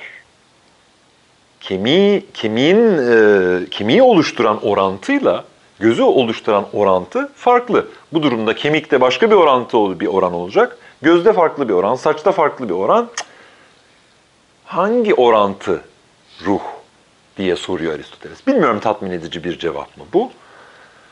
Ama e, Aristoteles'in ruhtan beklentisi, ruh anlayışından beklentisi yalnızca ne bileyim ben benim etimin e, kimyasal kompozisyonunu açıklayan bir orantının ötesinde vücudumun bütün parçalarını e, açıklamayı sağlayacak. Dolayısıyla farklı orantıları içerecek bir tür formül gerekecek diyor Aristoteles. Okey. Birinci kitapta bu küçük parçalılık meselesine esasında değinmiş olduğumu düşünüyorum. Cisimsizlik çok önemli bir mesele. Ee, cisimsizliği Aristoteles esasında cisimsizlik olarak kullanmıyor birinci kitapta. Şunu kastediyor. Diyor ki e, ruh çok e, adeta ele avuca sığmaz bir şeydir diyenler var. Ee, onlara karşı çıkıyor. Ee, İşte söylediğim sebeplerden dolayı. Ruh küçük parçalı bir şeyse hareket ediyordur e, bir takım e, partiküller gibi ve bedeni e, hareket ettiren de budur. Fikrini zaten gördük, problemleri gördük. Ruh bir takım partiküllerdir ve dışarıda da onunla akraba olan, benzer olan partikülleri algılamasını sağlamaktadır. Ya da ruh bir takım partiküllerdir ve ona karşıt olan e, şeyleri algılar. Bu fikirlerdeki zorlukları da gördük. Ve biraz şeye doğru gidiyoruz. Aslında aynı problemlere işaret ediyor. Aynı e, e, esasında problem bence aynı problem. Problem daha önce dediğim gibi e, kuvve ve fiil ayırt etmemek. Birinci kitapta sizin belki çok ilginizi çekebilecek birkaç şeye de değinmiş olayım. 403a e, 20'de çok ön, e, meşhur bir pasaj var. Değinmemiş olmayalım. Evet. E, 37. sayfada. Ona da değinelim. Aristoteles kitabın başından beri şunu söylüyor. Diyor ki, ruhla beden arasındaki bu ilişki nedir?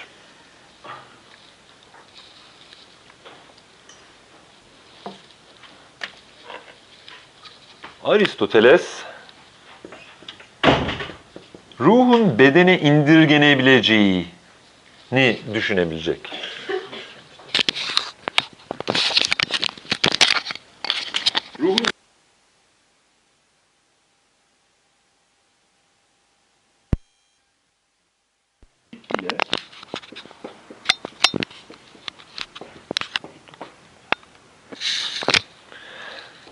Ruhun bedenden ayrı, müstakil bir şey olduğunu iddia eden bir tür ikicilik arasında gidip gidip geliyor.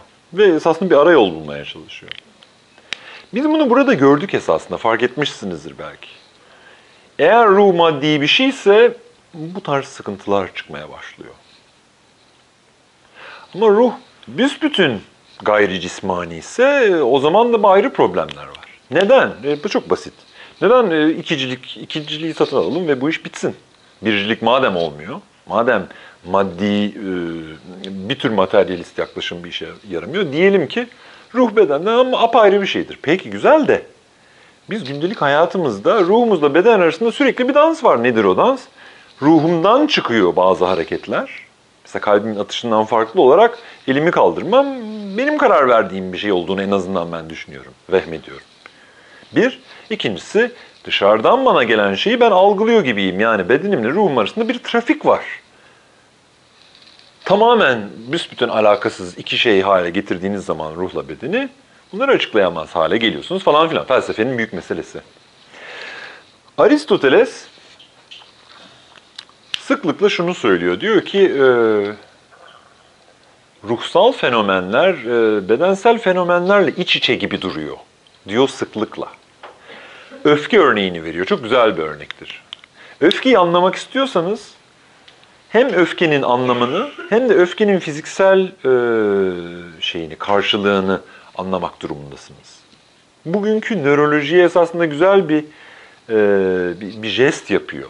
Aslında bir işaret ediyor ve fenomenolojiyle bağlantılanabilecek bir konu bu. Yani öfkeyi siz yalnızca kalbin etrafındaki kanın kaynamasına indirgeyemeyeceksiniz.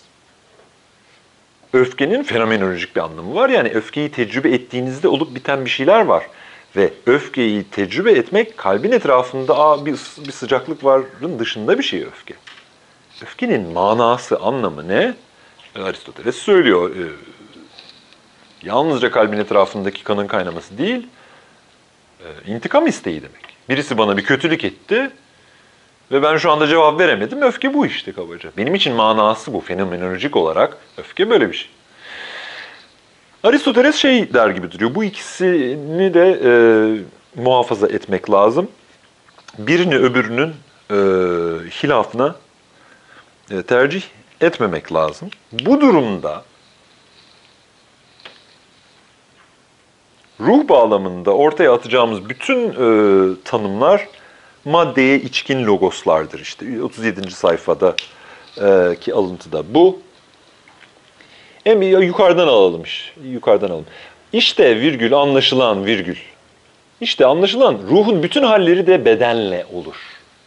Yani ruh beden ruhu bedeni indirgemiyor. Ruhu bedenden tam ayırt da edemiyor. Diyor ki bedenle olur. Peki. Neymiş? Örneğin şevk. Şefkat, korku, korku, acıma, cesaret, ayrıca neşe, sevmek ve nefret etmek. Bunların hepsi psikolojik olgular.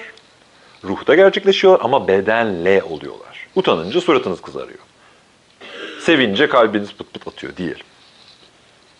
Bunlarla aynı anda bedende bir etki meydana gelir. Şundan da belli. Bakın ilginç burası. Ruh ve beden arasındaki yakınlığı anlatıyor şu an. Güçlü ve sert etkilenimler karşısında bazen hiçbir uyarılma ya da korku ortaya çıkmazken bazen de beden öfkeye kapılmışken ve öfkelenebileceği zamanki tutumuna takılmışken en küçük ve en zayıf şeyler ruhu hareketlendirir. Burada bir zorluk var. Ruhun bedene ne kadar yakın olduğunu örneklendirecekti. Verdiği örnekler pek öyle değil gibi. Ruhun bedenden ne kadar farklı olduğunun örneği değil mi bu? Ne oluyor burada? Tam ters köşe oldu yani. Bütün ruhsal süreçler bedenle de birlikte olur diyecekti. Şimdi bir anda şey dedi. Ee, Öyle etkilenimler olur ki bizi hiç etkilemez. Ya da dışarıdan hiçbir uyarım gelmediği zaman biz kendi kendimize korkuya kapılırız. Bir şey daha var. Efendim? Bir şey daha var, o ruhun da üstünde. Yani ne onda ne onda. Biraz daha açıklayın tam anlamadım. Yani öyle bir şey var ki bize etkileyen, hareket Ha. Evet. Hı. Olabilir. Olabilir ama bunu demesini ben hiç beklemiyordum. Çünkü şeyi açıklıyordu. Ee, Bütün bu ruhsal süreçler bedende de paralel bir biçimde devam eder. Yani utandığım zaman terlerim. Ya da e, şey yaparım, e, kızarırım diyelim. Söylediği şey şu, dikkat ederseniz aslında problem çözülüyor bence. Hatta e, devamını okuyalım. Sonra şu daha da açık bir şey. Korkutucu bir şey olmadığı halde korkutulmuş birinin ruh halleri ortaya çıkar. Ne acayip korkutucu bir şey yok. Kendi kendime bir korku hissi geliyor bana. Ve bu göya şeyi gösterecekmiş. Ruhsal şeylerin bedensel karşılıkları vardır. Ne oluyor burada? Aristo'nun söylediği şey şu. Dışarıdan korkutucu bir şey olmadığı halde vücudunuzu korkuya yatkın bir hale getirdiğiniz zaman e, korku hissetmeniz çok doğal.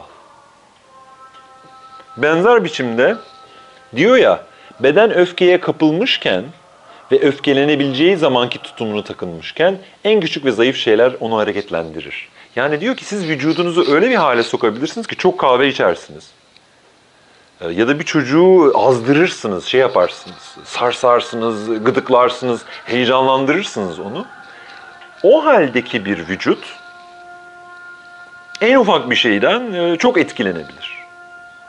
Benzer biçimde vücudu öyle bir sakinleştirebilirsiniz ki dışarıdaki bir uyaran onu etkilemez hale gelir. Bunu demeye çalışıyor. Yani ruhun bedenden ayrı kopuk falan olduğunu söylemiyor. Gene paralelliğini işaret etmeye çalışıyor.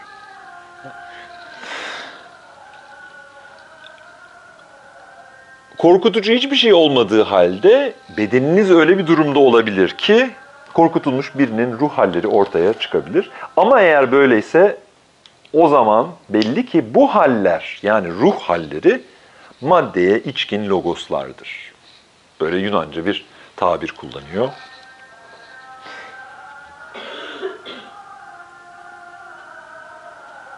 O yüzden de bizim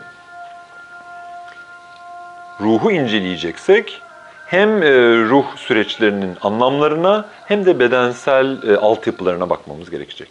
Birinci kitapta ve sonraki kitaplarda sıklıkla geçen bir soru şudur. Peki ruhun bedenden bağımsız hiç mi bir işlevi yok? Aristoteles bu konuda çok bulanık konuşuyor. Bir vardır diyor, bir e, yoktur diyor. e, Bir bu konu çok açıktır diyor, bir bu konu hiç belli değildir diyor.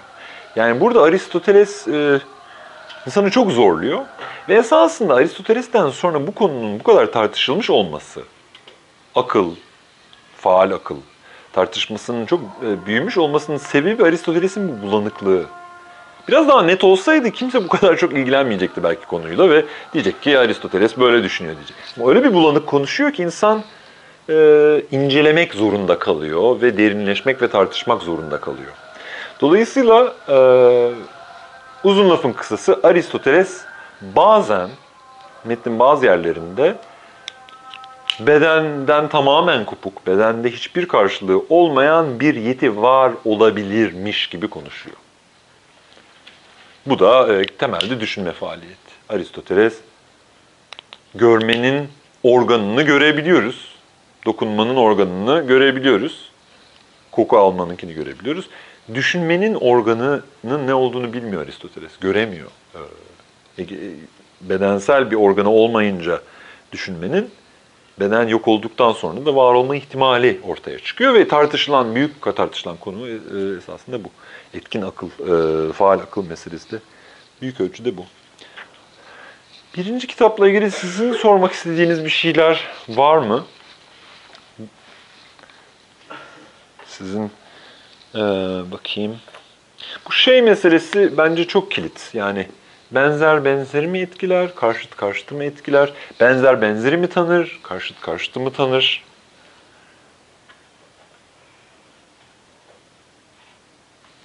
Yani benim kalorifere dokunduğumda oradaki sıcaklığı hissetmemi sağlayan şey elimin sıcak olması mı?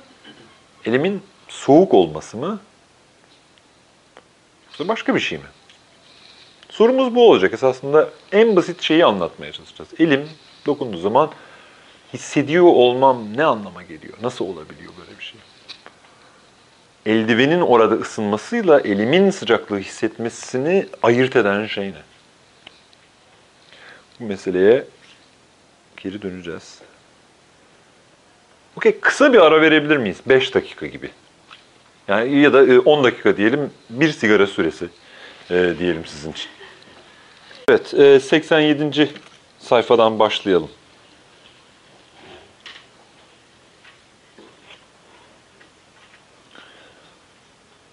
Ruhlar hak, e, ruh hakkında bizden öncekilerden aktarılanlar söylendi diyelim. Şimdi baştan başlarcasına çıkış noktamıza geri dönüp ruhun ne olduğunu ve en kapsamlı açıklamasının ne olabileceğini belirlemeye çalışalım. Var olanların belli bir cinsine varlık diyoruz. Yani var olan her şey bir varlık değil. Aristoteles'e göre şu at ya da şu insan e, bir varlık.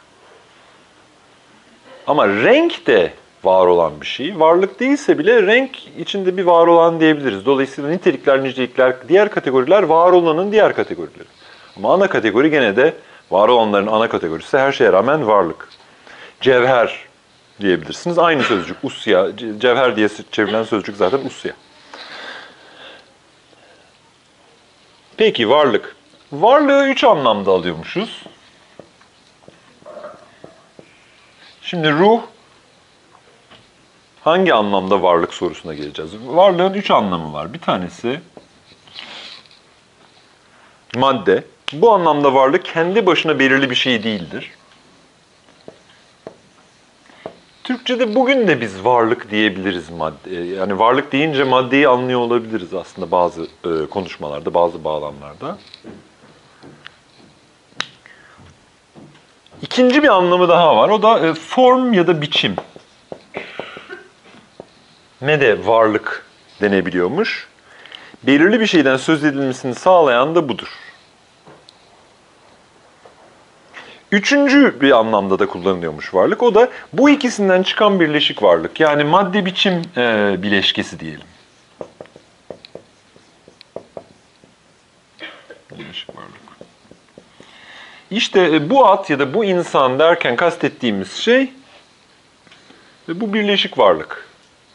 Peki. Madde bir güç. Ben ya da kuvve diyelim buna.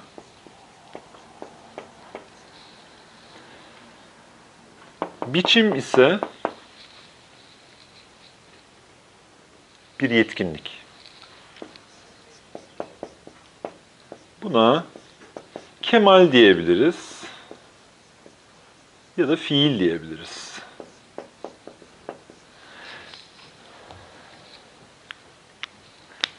Dikkat edin. Geçen haftaki metafizik tekrarını hatırlayın.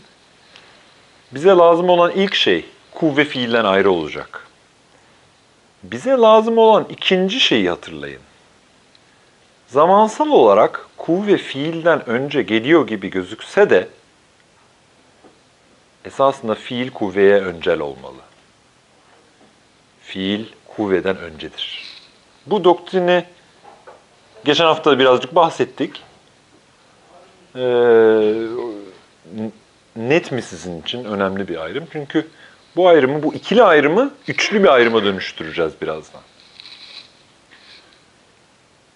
Aristo'nun söylediği şey, geçen hafta siz yardım etmiştiniz esasında. Ağaç tohum örneğinden. Ağaç tohum örneği. Yani evet siz şey diyebilirsiniz ya ağaç nereden geliyor? Tohumdan geliyor. Doğru da o tohum ancak ne tohumu olduğunu belirlediğimizde e, o potansiyele sahip bir tohum sayılabilir. Ve o tohumun ne tohumu olduğu sorusunu sorduğumuz anda o tohumun hangi ağaçtan geldiğini soruyor oluyoruz. Yani tohumlar X ağacının tohumları. Yani tohum denen şey, kuvve denen şey fiille tanımlanıyor. Fiil kuvveyle tanımlanmıyor. Bunu anlamak gerekiyor. Yarım tam güzel bir örnekti. Ben büyümüş bir çocuk değilim. Çocuk bana doğru çocuk çocuk benim küçük versiyonum diyelim. Çocuk yetişkine doğru gidiyor. Benzer biçimde e, insan yavrusu diye bir insan türü yok. İnsan yavrusu insanın potansiyel hali yalnızca. Ondan ayrı bir şey değil. Okey. Bu konuda bir belirsizlik e, var mı? Çok derin, çok çok çok önemli, müthiş güzel bir e, şeydir, bir doktrindir. Ve en çok belirleyici olan şey de budur Aristoteles'in. Bütün sistemi buradan e, itibaren çalışır. Fiil kuvveden önce gelir. Sebebi şu, fiil kuvveden önce gelmiş olmasaydı hangi kuvve fiile çıkacaktı? Bu belirsiz kalacaktı. Eğer hiçbir yetişkin ağaca gönderme yapmıyorsak o tohumun, o tohum ne tohumu? Bunu bilemeyiz demektir. Dolayısıyla kuvveyi anlamak için fiile muhtacız. Ama fiili anlamak için kuvveye muhtaç değiliz. Fiilde başlıyor. Aristoteles'in meşhur lafı yok gibidir. Bunu hiç fark etmiş miydiniz bilmiyorum. Var mı? Aristo'nun en meşhur lafı ne bile söyleyebilir misiniz? Ya da Platon'un. Yok gibi bir şeydir. Oysa hepimiz ne bileyim ben Heraklit dediğimiz zaman hemen deriz işte aynı ırmağa iki kere girilmez. Ya da Nietzsche dediğimiz zaman işte beni öldürmeyen şey vesaire. Birçok filozofta klişe sayılabilecek, Facebook'ta paylaşılabilecek böyle tatta e, aforizmalar vardır. Şey ifadesi mi hocam? Varlık olmayan anlamında varlık. Hani hiç yok değil de Tabii tabii. varlık olmayan olarak. Tabii. İfadesi sanırım metafizikte öyle geçiyor.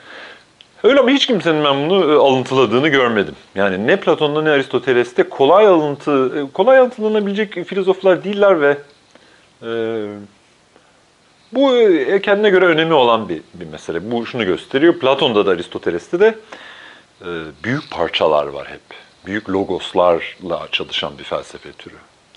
Yani e, şey kamikaze dalışlarla değil ya da işte e, kıvılcımla çalışmıyor. Közle çalışıyor esasında makine. Bunu bütün bunları ne için anlattım? Ee, unuttum. Dönelim. Ee, bu kuvvet fiil ayrımı gerekiyor. Birinci zorunluluk. İkinci zorunluluk şu. Fiil kuvveden önce gelmeli.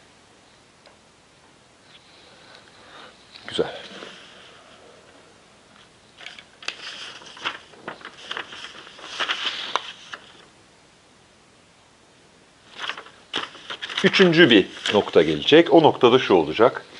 Bu yetkinlik, e, bu yetkinliği ikiye böleceğiz.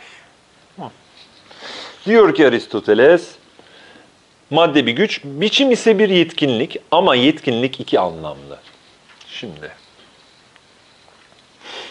e, buna e, kuvve diyelim. Madde buna denk düşüyormuş. Peki. Buna karşılık fiil ya da ne derseniz deyin, e, benim için çok önemli değil. Bu da biçime denk düşüyormuş. Ama diyor Aristoteles, bu ikili yapıda anlatıldığı kadar kolay değil bu. Çünkü fiilin iki anlamı var diyor. Yetkinliğin ya da ne derseniz deyin. Bir tanesi, ben buna bilmek diyeceğim şimdi. Bilmek gibi öbürü bilgiyi kullanmak diyelim buna. Bunu Türkçe'ye çevirme gerçekten çok çok feci zordu. Birazdan e, bunun ne anlama geldiğini e, anlamamız lazım. Henüz bulanık olmalı bu ayrım. Dolayısıyla ikili gibi gözüken bu kuvve fiil ayrımını biraz daha çözünürlüğünü adeta arttırıyoruz. Ve diyoruz ki tamam bu ikili ayrım var ama bu fiili de ikiye ayıralım bakalım. Neden ayıracaksak bunu göreceğiz neden ayıracağımızı. Yetkinlik iki anlamlı, fiilin iki anlamı var. Bir tanesi bilgi gibi, bilmek gibi, öbürü de bilgiyi kullanmak gibiymiş. Henüz ne anlama geldiğini bilmiyoruz. Devam. En çok cisimlerin varlık olduğu düşünülür. At. Ben de bir cisimim esasında. At da bir cisim. Ve şu da bir cisim. Ve varlık örnekleri verilirken de önce bunları veririz. Hiç kimse varlık için şey örneğini vermez yani. Ee, Kıskançlık demez, kahkaha demez ya da İkinci Dünya Savaşı demez diye düşünüyor Aristoteles cisimlerin varlık olduğu düşünülür. Özellikle de doğal cisimlerin. At, insan, ağaç. Çünkü bunlar öbürlerinin ilkeleri. Doğal olmayan cisim, her ne cisim varsa temeline gittiğinizde e, temel oluşturucusunun doğal cisimler olduğunu, doğal varlıklar olduğunu düşünüyor Aristoteles. Dört öğe olduğunu düşünüyor. Peki, bu doğal cisimler, Doğal olmayan bir cisim söyleyeyim. Bana kalem. Ne dedik? Kalemin temelinde de doğal cisimler var Aristoteles'e göre. Kalem doğal bir cisim olmasa da. Okey. Doğal cisimlerin bazıları yaşama sahip, bazıları değil. Demek ki doğal cisimler kümesi var. Burada canlılar var, cansızlar var. Peki. Yaşamdan kastım kendi kendine beslenme, büyüme ve bozulma. Cisimler, onun içinde bir alt küme doğal cisimler, onun içinde bir alt küme canlılar. O halde yaşamdan pay alan her doğal cisim bir varlık olsa gerek. Çünkü zaten ana e, kategorimiz varlıktı.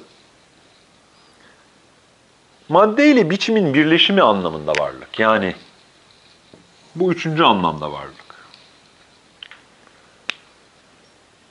Ama burada belli bir cisim yani yaşama sahip olan bir cisim söz konusu olduğuna göre cisim ruh olamaz. Neden? Çünkü bir sürü cisim var. Ama onlar canlı değil. O halde ruhla cisim eşdeğer olamaz.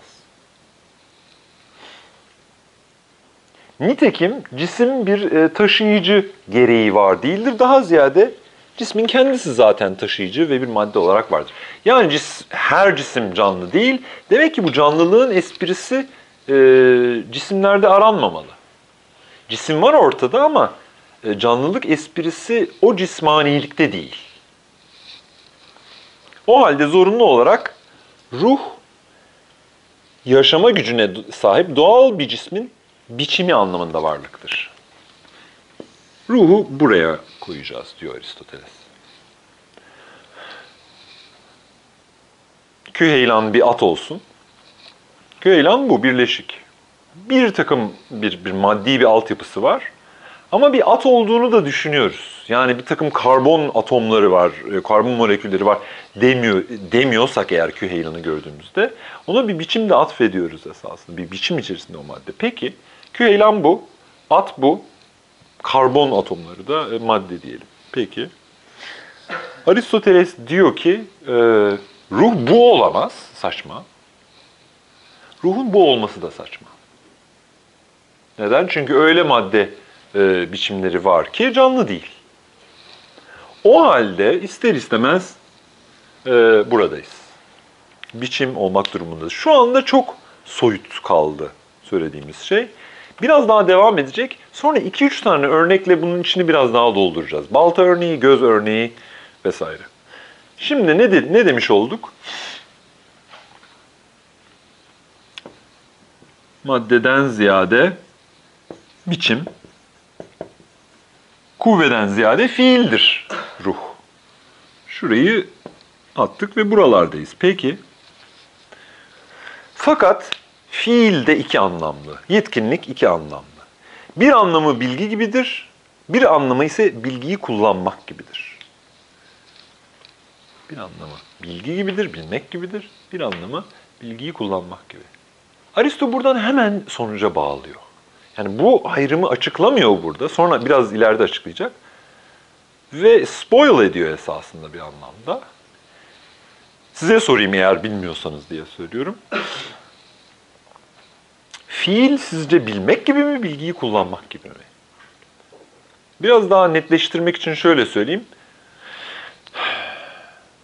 Almanca bilmek başka şey. Almanca konuşuyor olmak yani bilgisini kullanıyor olmak, icra etmek başka bir şey. Tam aynı şeyler değil. İkisi de birer yetkinlik. Neden? İkisi de güzel bir şey bir anlamda. Almanca açısından güzel bir şey. İkisi de Almanca öğrenebilecek bir varlığın e, ders karşılığında ya da bir çocuksa eğer e, duya duya e, oluştu, e, geldiği bir mertebe esasında. Ama gene de ikisi aynı şey değil. Size sorum şu, Aristoteles ruhu bu ikisinden e, hangisiyle özdeşleştiriyor olabilir? Bilmek mi, bilgiyi kullanmak gibi. Almancayı yani konuşuyor olma hali. Yani şunu mu düşündünüz acaba? Almancayı bilmek iyi güzel de Almancayı konuşuyor olmak en değerli şey. Ve ruh da yüksek bir şey olduğu için neden düşündünüz?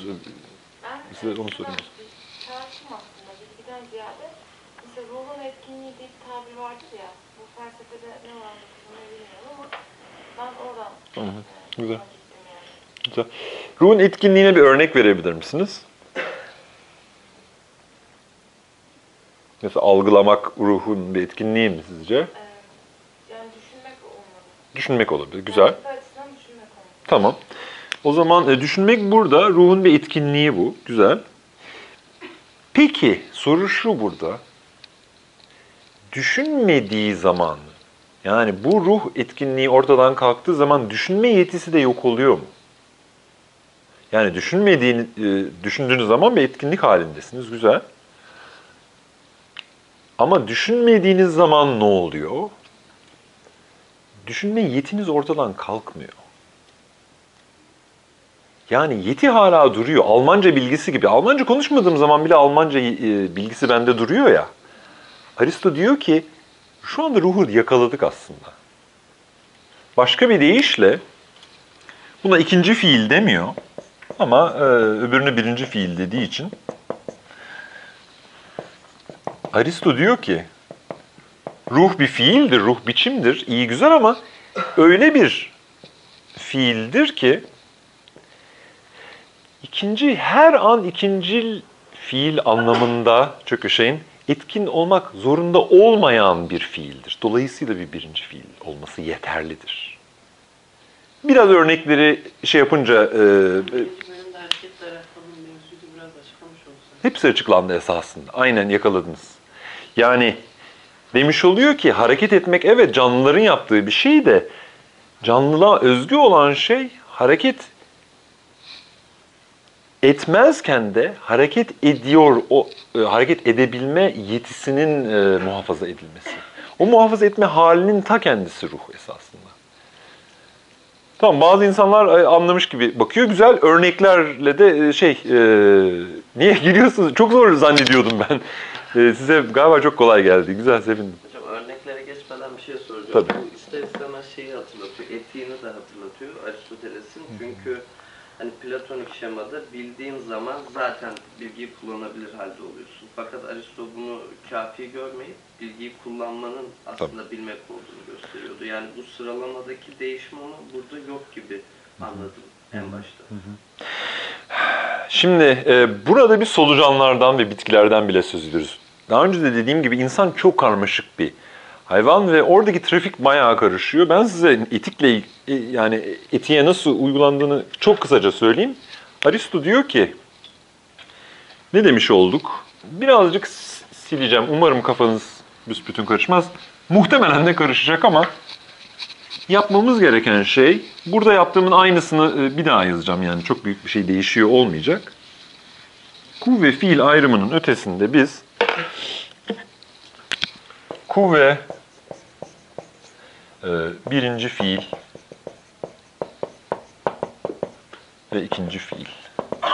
Ben buna güç, birinci yetkinlik, ikinci yetkinlik adlarını verdim. Ve dedik ki ruh burada olamaz.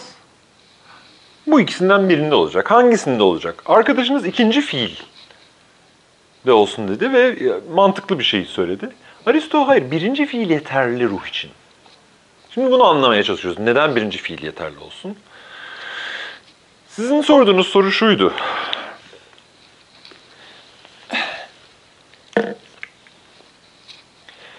Benim Almanca öğrenebilmem için ki Almanca öğrenmek Aristoteles'e göre bir düşünme erdemi esasında diye düşünebilir. Yani e, bir zeka göstergesi, bir, e, bir, bir meziyet, bir fazilet esasında.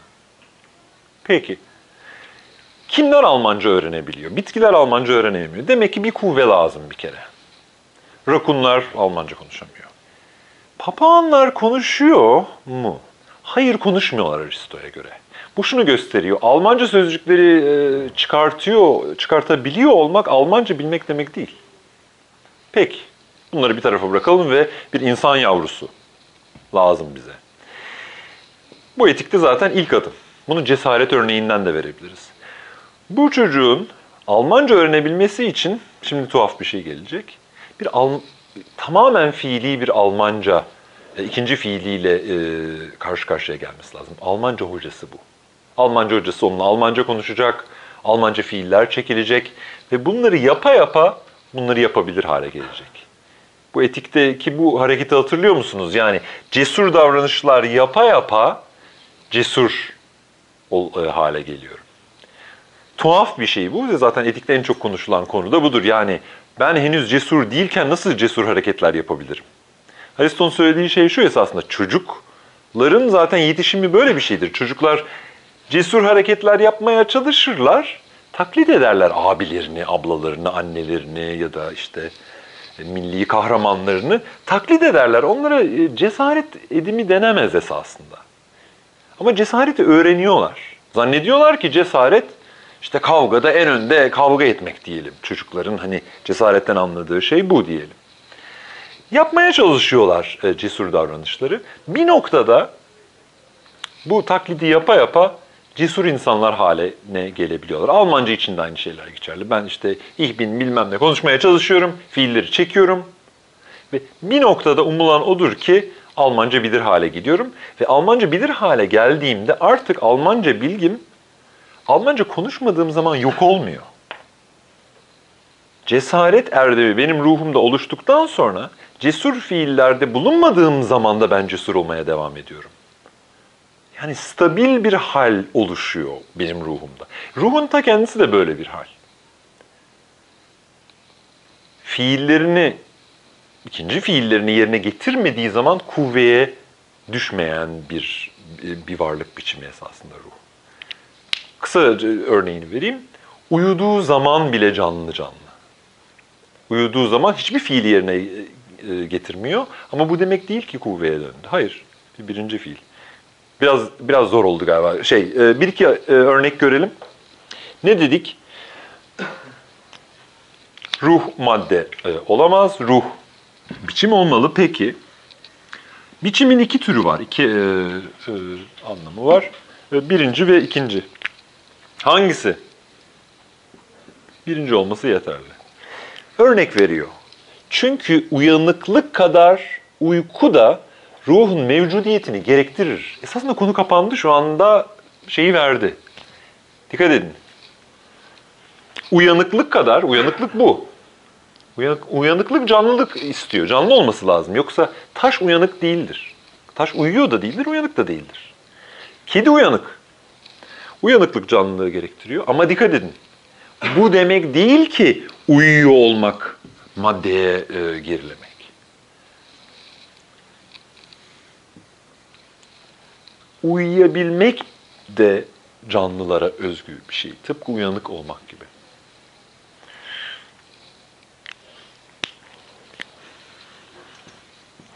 Uyanıklık, e, pardon, düzeltiyorum. Uyku ve uyanıklık. Eğer uyku, uyanıklık. Almanca konuşmak, Almanca bilmek. Bu zaten e, Almanca bilmeyen kişi. Almanca bilmeyen çocuk esasında bu. Potansiyeli var. Almanca öğrenmiş olan ama konuşmayan.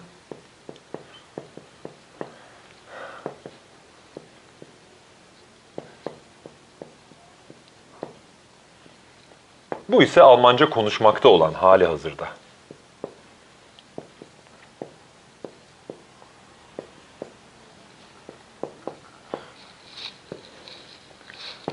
Ruh için burada olmak yeterlidir diyor. Dediği şey bu. E, hocam o zaman burada yani bu kitabın e, alanı içinde bilmiyorum ama mesela ruhun yetkinliği ve ruhun kemalinden mi söz edildi içeride? Öyle olması gerekir. Değil mi? Yani bir başlangıç noktası ve kemal olması lazım zaman. Ruh, ruh bizzat bir ke- kemal. Ama öyle bir kemal ki e, bir de gidecek bir yeri var. Tabii, tabii. Nedir bu? Bu şey demek. Algı e, algı sahibi olmak demek. Bu algılıyor olmak demek. Bu beslenebilme kapasitesi demek. Bu ise besleniyor olma hali demek. Bu e, düşünme kapasitesi demek. Bu düşünüyor olma hali demek. Hep bu ikilikte oynayacağız. Hocam aslında bu ikinci fiile vermesini beklerdik bu ayrıcalığı ama birinciye vermesinin sebebi e, ilk kısmında bahsettiğimiz kuvve fiil arasındaki öncelik problemiyle aslında oradaki aşışı yani fiilin kuvveden önce olduğunu da burada aslında birinci fiile ayrıcalık tanıyarak Değil, değil. Değil. Değil. Şey kutular halinde düşünüyorsunuz. Ha, iyi değil. Şey e, fikri düşünmeniz lazım. Yani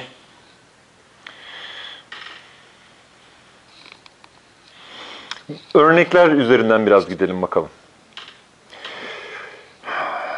Uyanıklık şu çok şey. Bilgiyi kullanmaya benzer.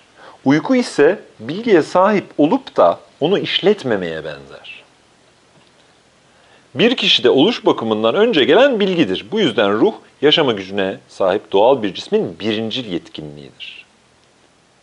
Şimdi böyle bir cisim organik bir cisimdir. Şimdi daha da zorlaşacak esasında iş.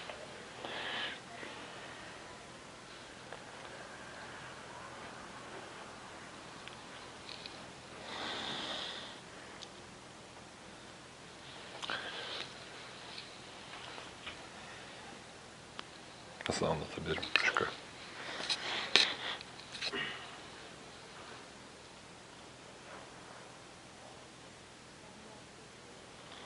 Balta örneğine sıçrayayım.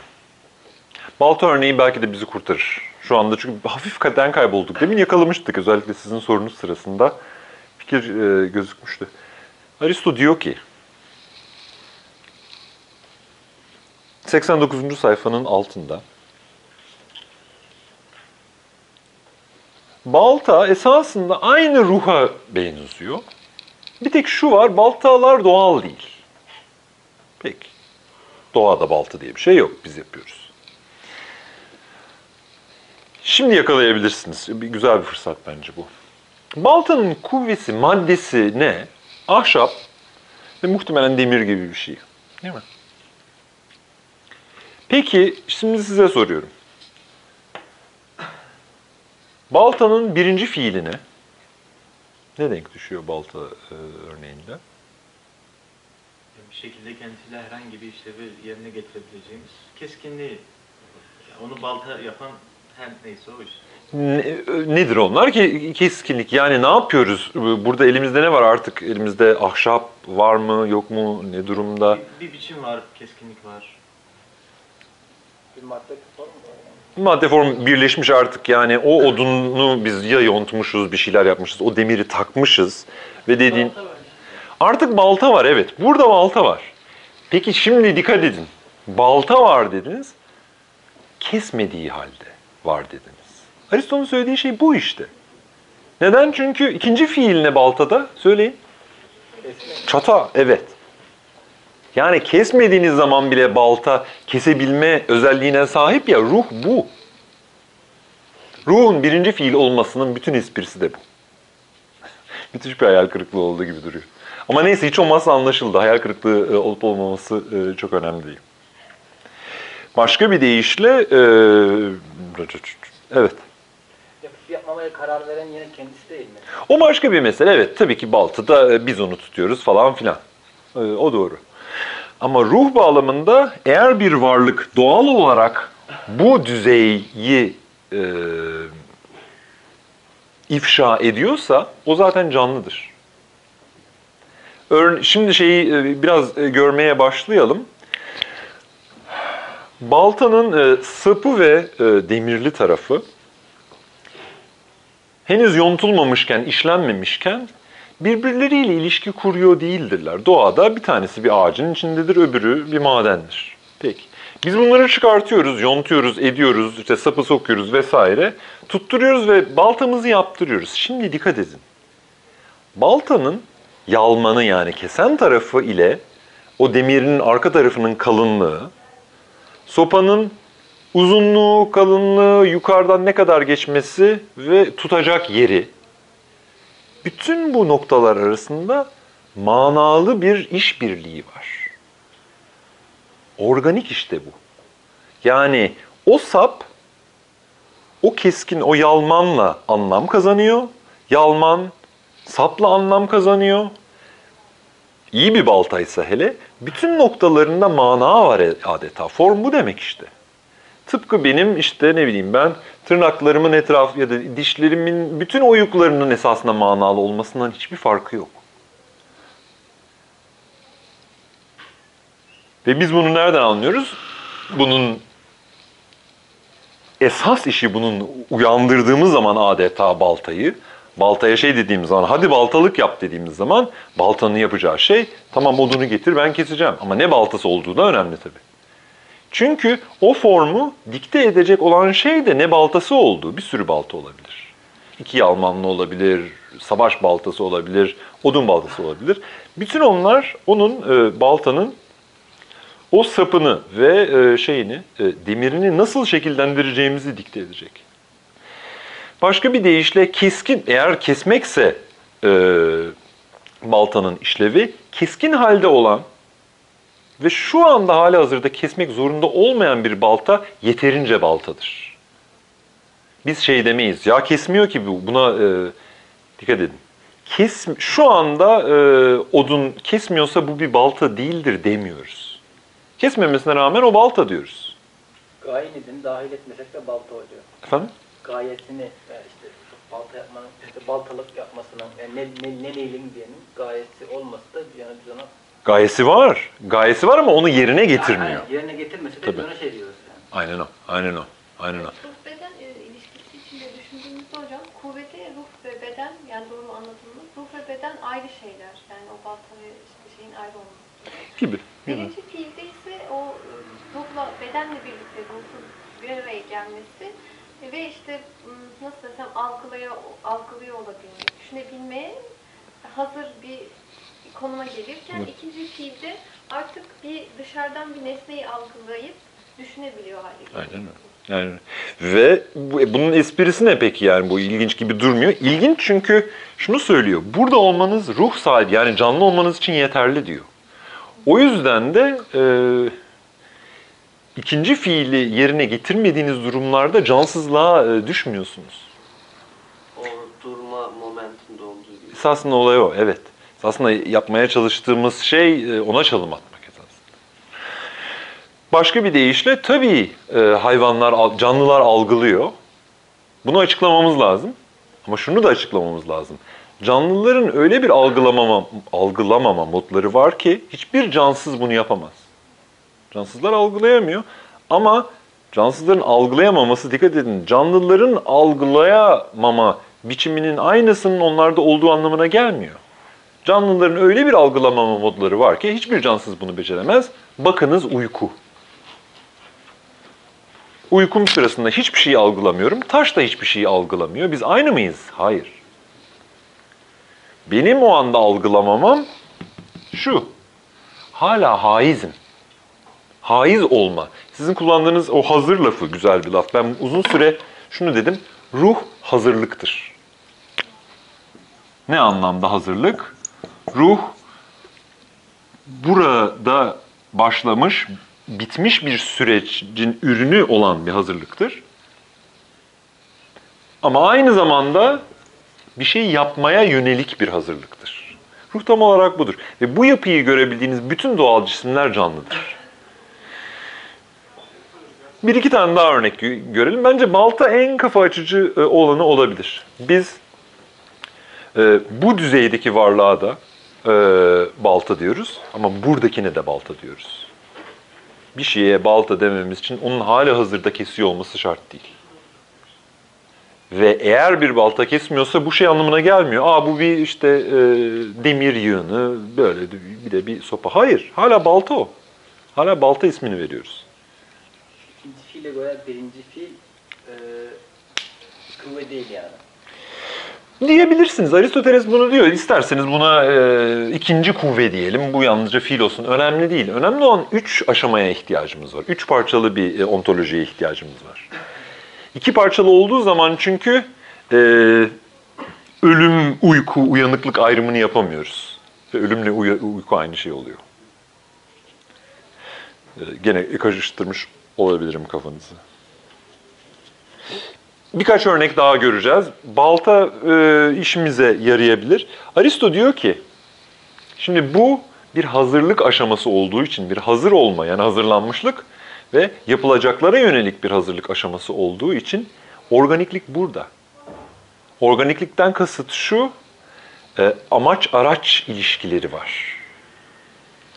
Diyor ki, şimdi böyle bir cisim, yani canlı bir cisim, ruha sahip olan bir cisim, organik bir cisimdir. Şimdi e, güzel bir bölüm bu.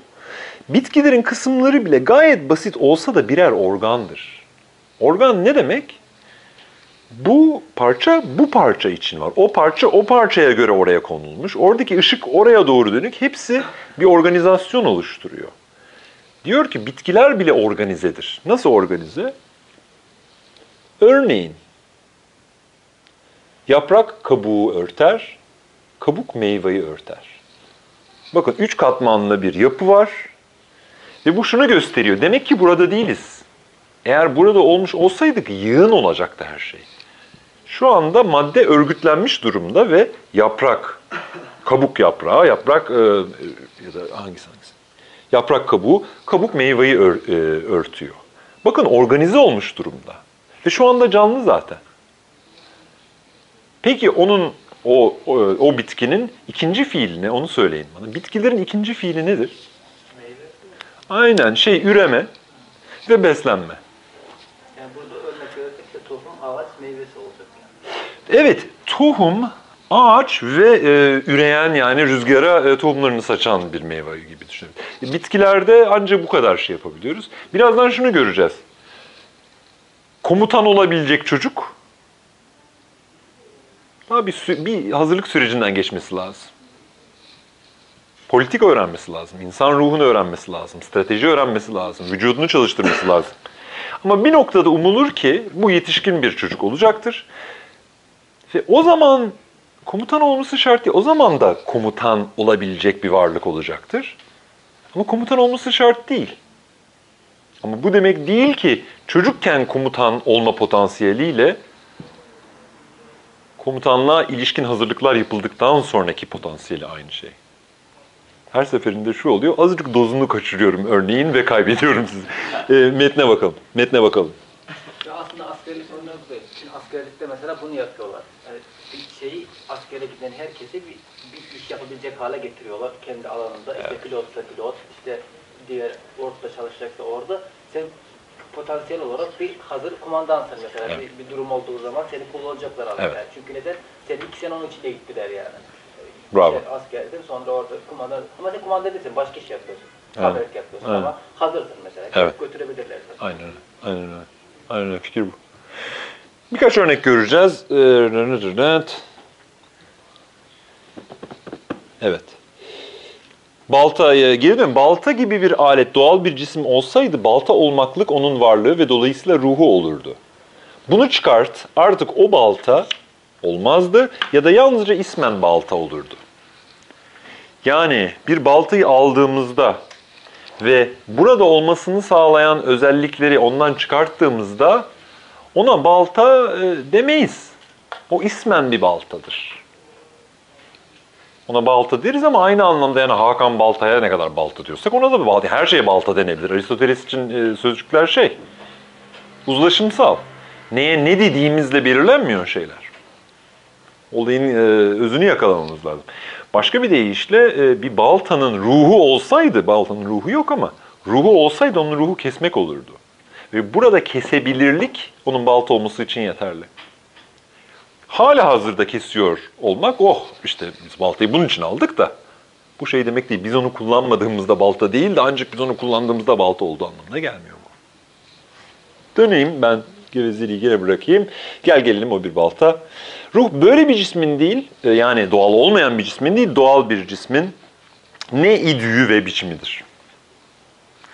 Bu söyleneni bir de bedenin kısımlarında görmek gerek. Eğer göz başlı başına yaşayan bir şey olsaydı, bu ikinci örnek, göz örneği. Göz bir organım değil de başlı başına yaşayan bir şey olsaydı,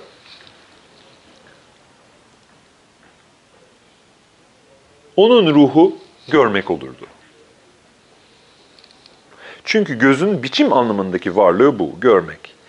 Göz görmenin maddesidir ve görmek çekip çıkarılırsa göz artık göz değildir. Taştan ya da çizilmiş bir göz gibi yalnızca ismen gözdür. Başka bir deyişle e, görme kuvvetine sahip olması gözü göz yapıyor. Birazdan mesela fiili olarak görmeyi terk edeceğim. Ama gözün varlığını sürdürecek. Bakın kapattım aynen. Kapattım. Şu anda hiçbir şey görmüyorum. Ama bu demek değil ki görme yetimi kaybettim. İşte ruh böyle bir şey. O yüzden uyku gibi bir. O yüzden hareket ya da faaliyet ruha dayanıyor ama faaliyetsizlik ölüm demek değil. Tam tersine faaliyet ikinci anlam, ikinci fiil anlamında faaliyet göstermeyen bir şeyin varlığını sürdürebilmesi eğer doğal bir varlıksa bu onun canlı bir şey olduğunu gösterir.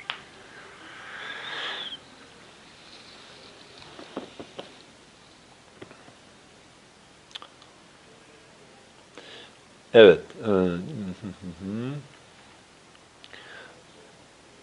Uyanıklık tıpkı kesme hali ve görüyor olma hali gibi bir yetkinliktir. Ruha gelince ruh ise o görme duyusu ve aletin gücü gibidir. Beden ise gücül olandır. Beden, ruh ve esas faaliyet ruhun kendi işini yapması.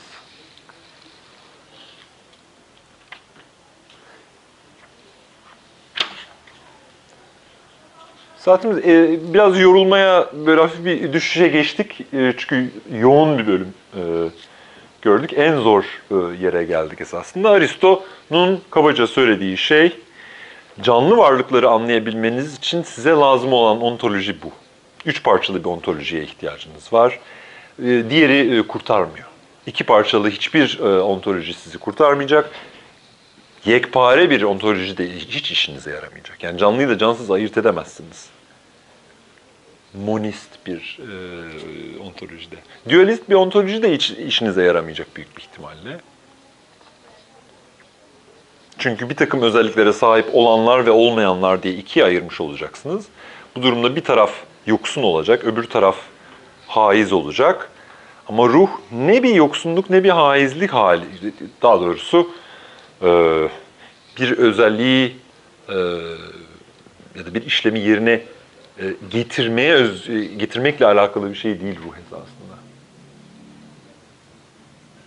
Yani hareket evet ruhla bağlantılı bir şey ama ancak hareket etmeye de bilecek varlıklar canlılardır.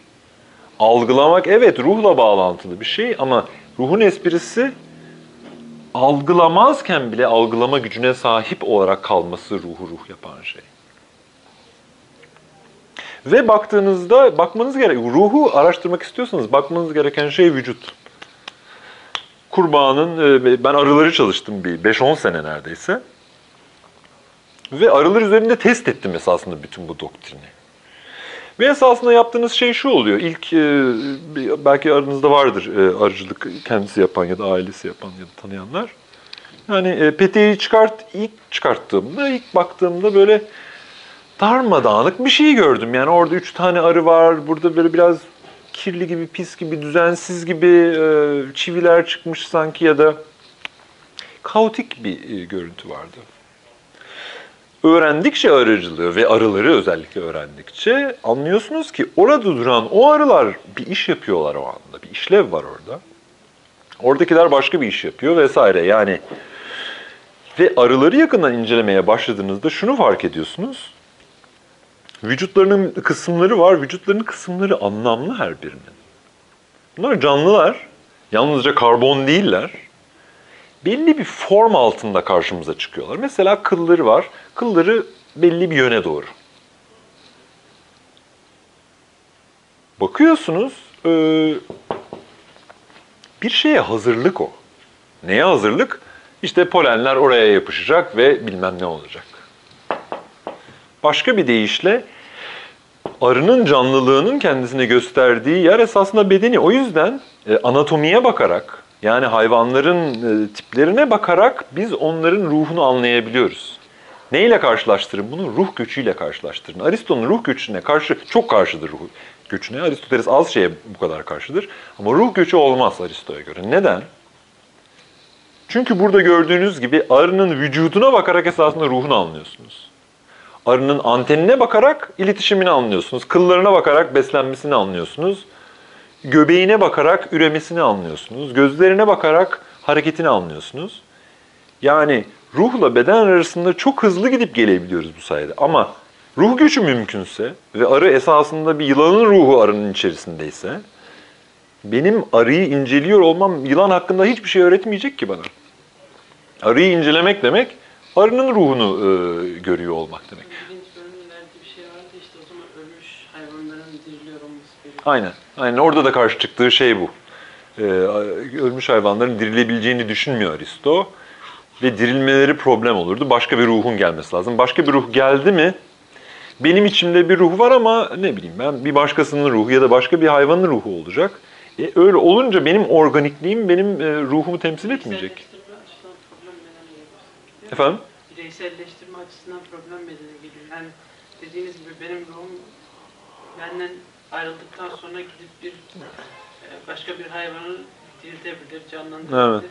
Beni ondan ayrıştıran bir şey meydana gelmeyecek ya da bir köpeği bir işte aslandan, bir insandan Evet. Bu ikinci dediğiniz şey daha ziyade. Aristoteles'te birey e, duyarlılığı hiç yok gibi neredeyse.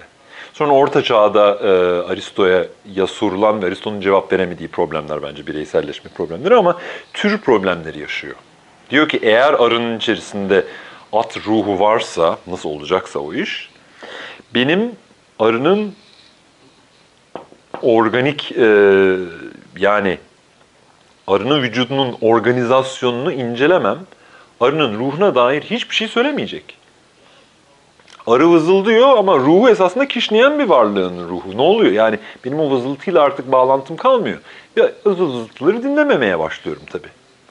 Pitagorasçıysanız e, hayvan anatomilerinin çok fazla bir önemi yok. Önemli olan o içerideki ruh önemli. Platon da biraz böyle konuşur ya yani bazı pasajlarda önemli olan ruhtur. Bedenin bilimi yapılmaz.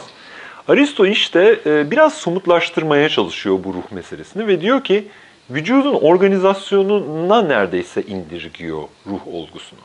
Bu bir skandal tabii. Bu e, özellikle akademide yetişmiş birisi için yani ruhun en değerli, en üstün şey olduğu fikri ne düşünen insanlar için e, diyor ki beslenmek ruh için yeterlidir diyor. Ya ruhu aşağılıyor böyle yaparak, bence şunu yapıyor daha ziyade. Beslenmeyi yüceltiyor bence. Yani beslenme dediğiniz şey ya da üreme dediğiniz şey e, işte hayvani deyip geçebileceğiniz bir şey değil. Süper bir şey esasında. Çok ilginç bir şey. Yalnızca yapmanız gereken şey biraz incelemeniz lazım.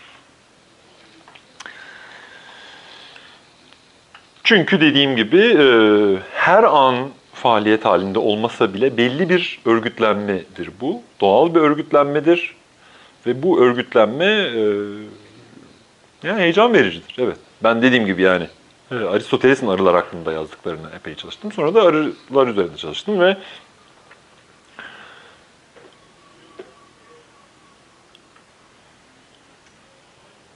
buradaki hazırlığın nasıl bir hazırlık olduğunu e, anla, anladım. Yani öyle bir hazırlık ki az buz bir şey değil. Yani oradaki arıların orada bulunmasının sebebi kovana air condition yaptırıyorlar. Kovanın içerisindeki sıcaklığın artması ya da çok azalması çok büyük bir problem. Çünkü bal mumu e, şey oluyor, bozuluyor diyelim. Bunun üzerine bazı arılar şey yapıyorlar, e, gidiyorlar vantilasyon yapıyorlar yani e, şeyin ağzına, peteğin ağzına gidiyorlar ve kanatlarını çırpıyorlar soğutabilmek için. Bunu ne için anlatıyorum? Şunun için anlatıyorum.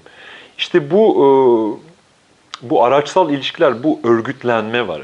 Bu örgütlenme doğal olduğu için de tam ruhun e, özelliği bunlar. Bunlar ruh.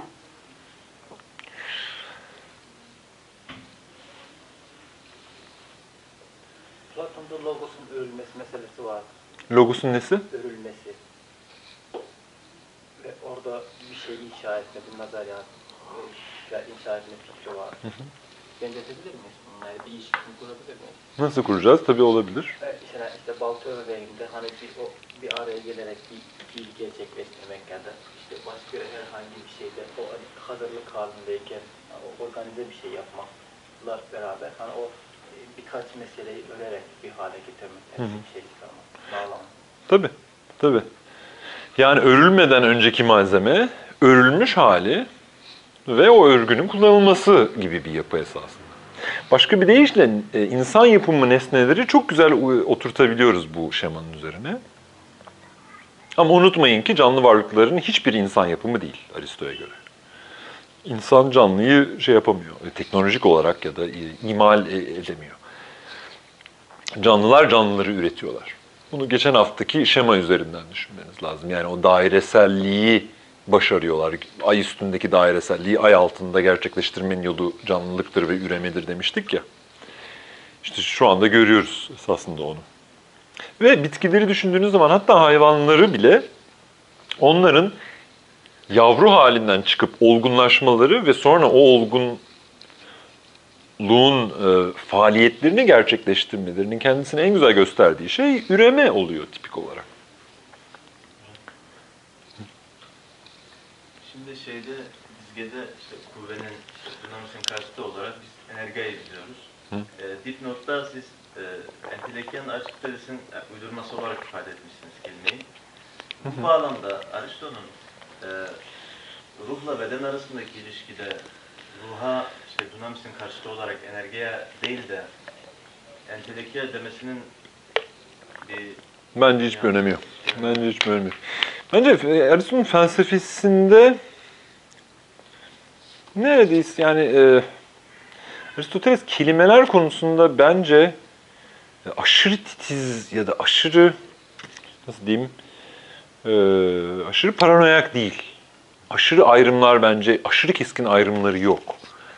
aşırı katılaşmış bir teknik vokabüleri de bence yok. Bence nispeten esnek. Ve e, özellikle enerjiye, entelehiya da e, söylediğinizi savunanlar var. Yok değil bazı kişiler ay acaba arada bir fark var mı diye düşünüyorlar. Ben, benim okuduğum kadarıyla ben bir 10 senedir falan okuyorum. Hiçbir fark görmedim. Fikir önemli. Fikir önemli. Hatta Aristo kendisi de diyor yani buna kuvve dedik. Buna da kuvve, buna ikinci kuvve diyebilirdik. Buna yalnızca fiil diyebilirdik. Sıkıntı yok orada. Sıkıntı, mesele bu hiyerarşi, çok garip bir hiyerarşi var burada. O hiyerarşiyi anlamak mesele.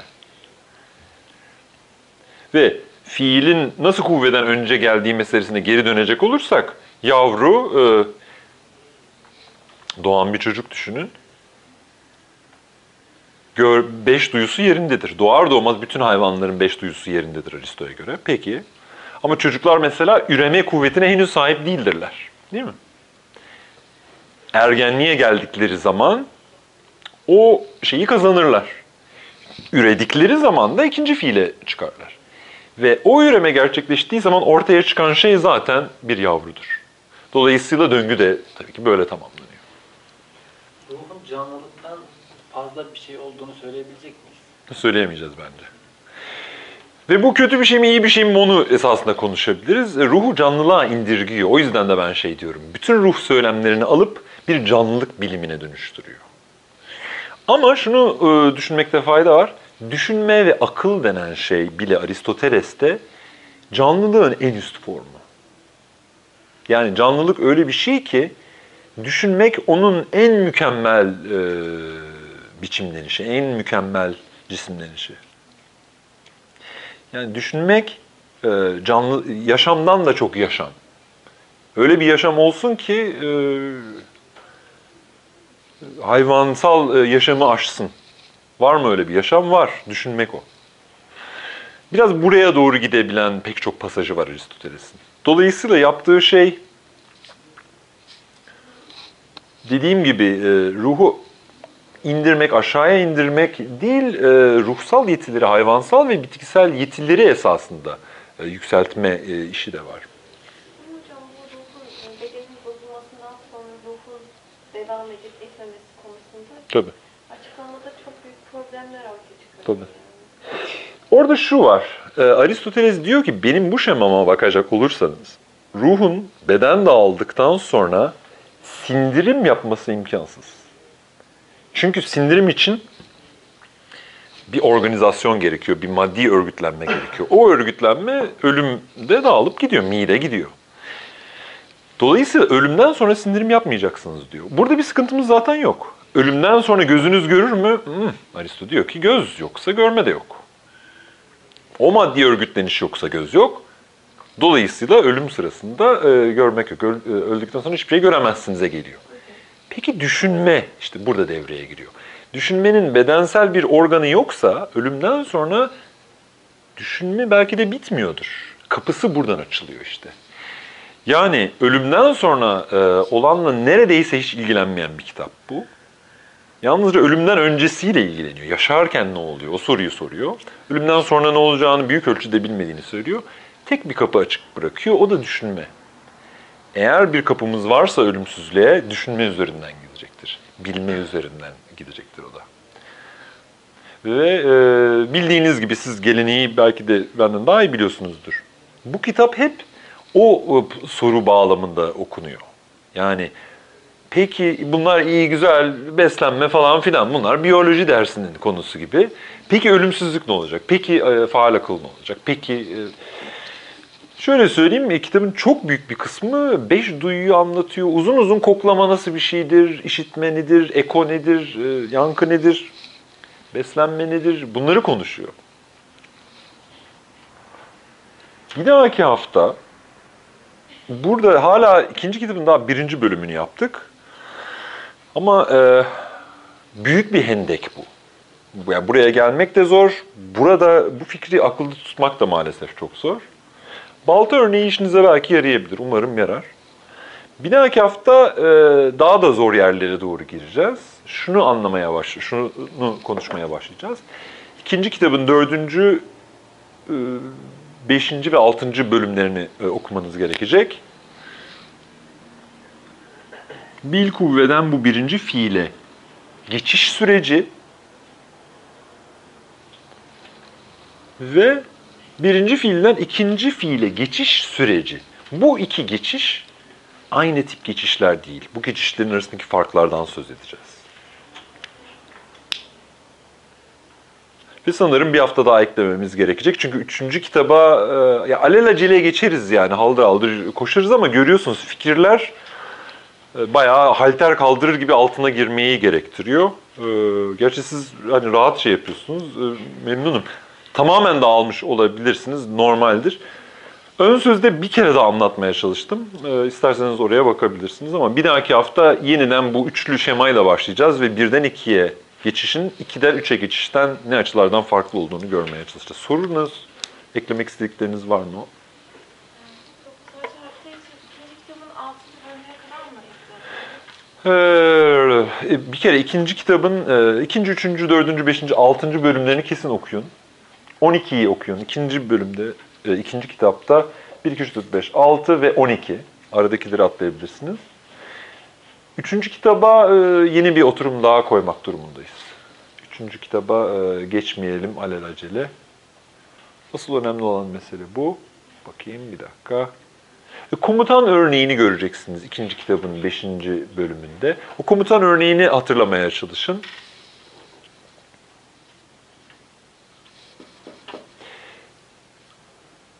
Evet, diyeceklerim bu kadar. Sizin ekleyeceğiniz, sormak istediğiniz bir şey var mı? Ya benim sorum var ama sanırım ikinci kitabın devamında daha mantıklı olacak. O yüzden şu an. Peki. Tamam. Ya burada mesela öfkeyi anlatırken işte bunun incelenmesi gereken, bu bağlamda incelenmesi gereken kişi doğa bilimci söylüyor mesela. Aklıma şey geldi, burada şimdi metafizik de Aristoteles'te metafizikle fiziği ayrıştıracak herhangi bir şey yok önem bakımından değil mi? Hmm. Hatta bakayım. belki fizik daha da önemli olabilir sanki. Neden? Ha, e, doğa bilimcilik olduğu için e, falan filan. Şöyle bir durum var. Fizik e, hareketi inceliyor temelde. Fiziğin ana e, meselesi doğa ve hareket. Öyle şey, öyle yapılar var ki e, hareketi mümkün kılıyorlar esasında. Yani hareketin temelinde olan ontolojik tartışmalar var. Onları fizikte ele alıyor. Mesela 8. kitapta falan ele alıyor. O neredeyse fiziği aşar gibi ya da fiziği kapsar gibi duruyor. Metafizikte de ele alıyor. Özellikle Teta'da ele alıyor. Onlar e, fiziğin bir anlamda ötesindeler. Fiziği kuşatıyorlar, fiziği mümkün hale getiriyorlar. Esasında kuvve fiil ayrımı ve fiilin kuvveden önce olması, saf bir fiilin var olmak zorunda olması gibi tartışmalar fizik üstü tartışmalar, fiziği aşan tartışmalar. O açıdan e, bence bir fark var hala. Bence hala bir fark var. Çünkü fiziksel varlıklar çok spesifik varlıklar. Hareket hareket ediyorlar.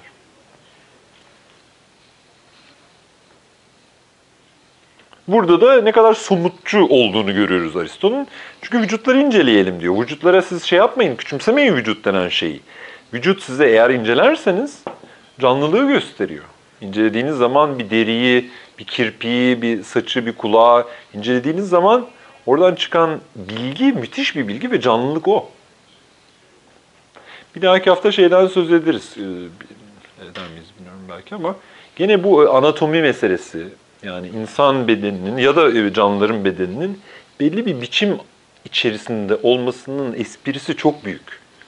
Onu yakalamayınca ben benim bildiğim kadarıyla eski Yunanlıları anlamak istiyorsanız form olayı üzerine, biçim olayı üzerine kafa yormak lazım. altın oran vesaire de falan değerlendirebilir miyiz? Yunan'daki ideal heykel biçimleri mesela. Olabilir, olabilir. Evet aynı duyarlılık, form duyarlılığı o açıdan aynı. Aynen öyle. Ama unutmayın ki e, kurbağa dediğimiz şey bir hayvan değil yalnızca. Aynı zamanda bir yaşam formu. Kurbağaya hani vrak vrak diyerek böyle ilerleyen bir varlık olarak bakabilirsiniz. İyi güzel ama esasında kurbağaları incelerseniz karşınıza çıkacak olan şey bir yaşam biçimi göllerle bağlantılı, havayla bağlantılı, suyla bağlantılı e, beslenmesi, üremesi, algılaması, yer değiştirmesi, anatomisi, kemik yapısı, kas yapısı e, boğazı, bütün bunları incelemeye başladığınız zaman bir anda görüyorsunuz ki kocaman bir organizasyon düzeyi esasında kurbağa dediğiniz şey. Bunu şunun için söylüyorum. Kurbağa da bir form. Kurbağa da bir yaşam biçimi esasında. O anlamda da biçimi yalnızca altın oran ya da işte heykellerdeki vücutlar gibi düşünün. Bu işin, bu o duyarlılığın bir kısmı. Ama daha bile geniş. Geometrik biçimleri de içeriyor. Yaşam biçimlerini de içeriyor. Dediğiniz gibi e, insan vücudu ve estetik şekilleri de tabii ki içeriyor. Hepsini içeriyor. Ama e, ona çok e, takıklar, onu çok güzel incelemişler ve e, derin bir şeyler çıkartmışlar. Yani burada gördüğümüz şey de form hakkında düşünen bir kişinin hayvanlar ve bitkiler hakkında neler söyleyebildiği esasında. Başka eklemek, sormak istediğiniz bir şey yoksa haftaya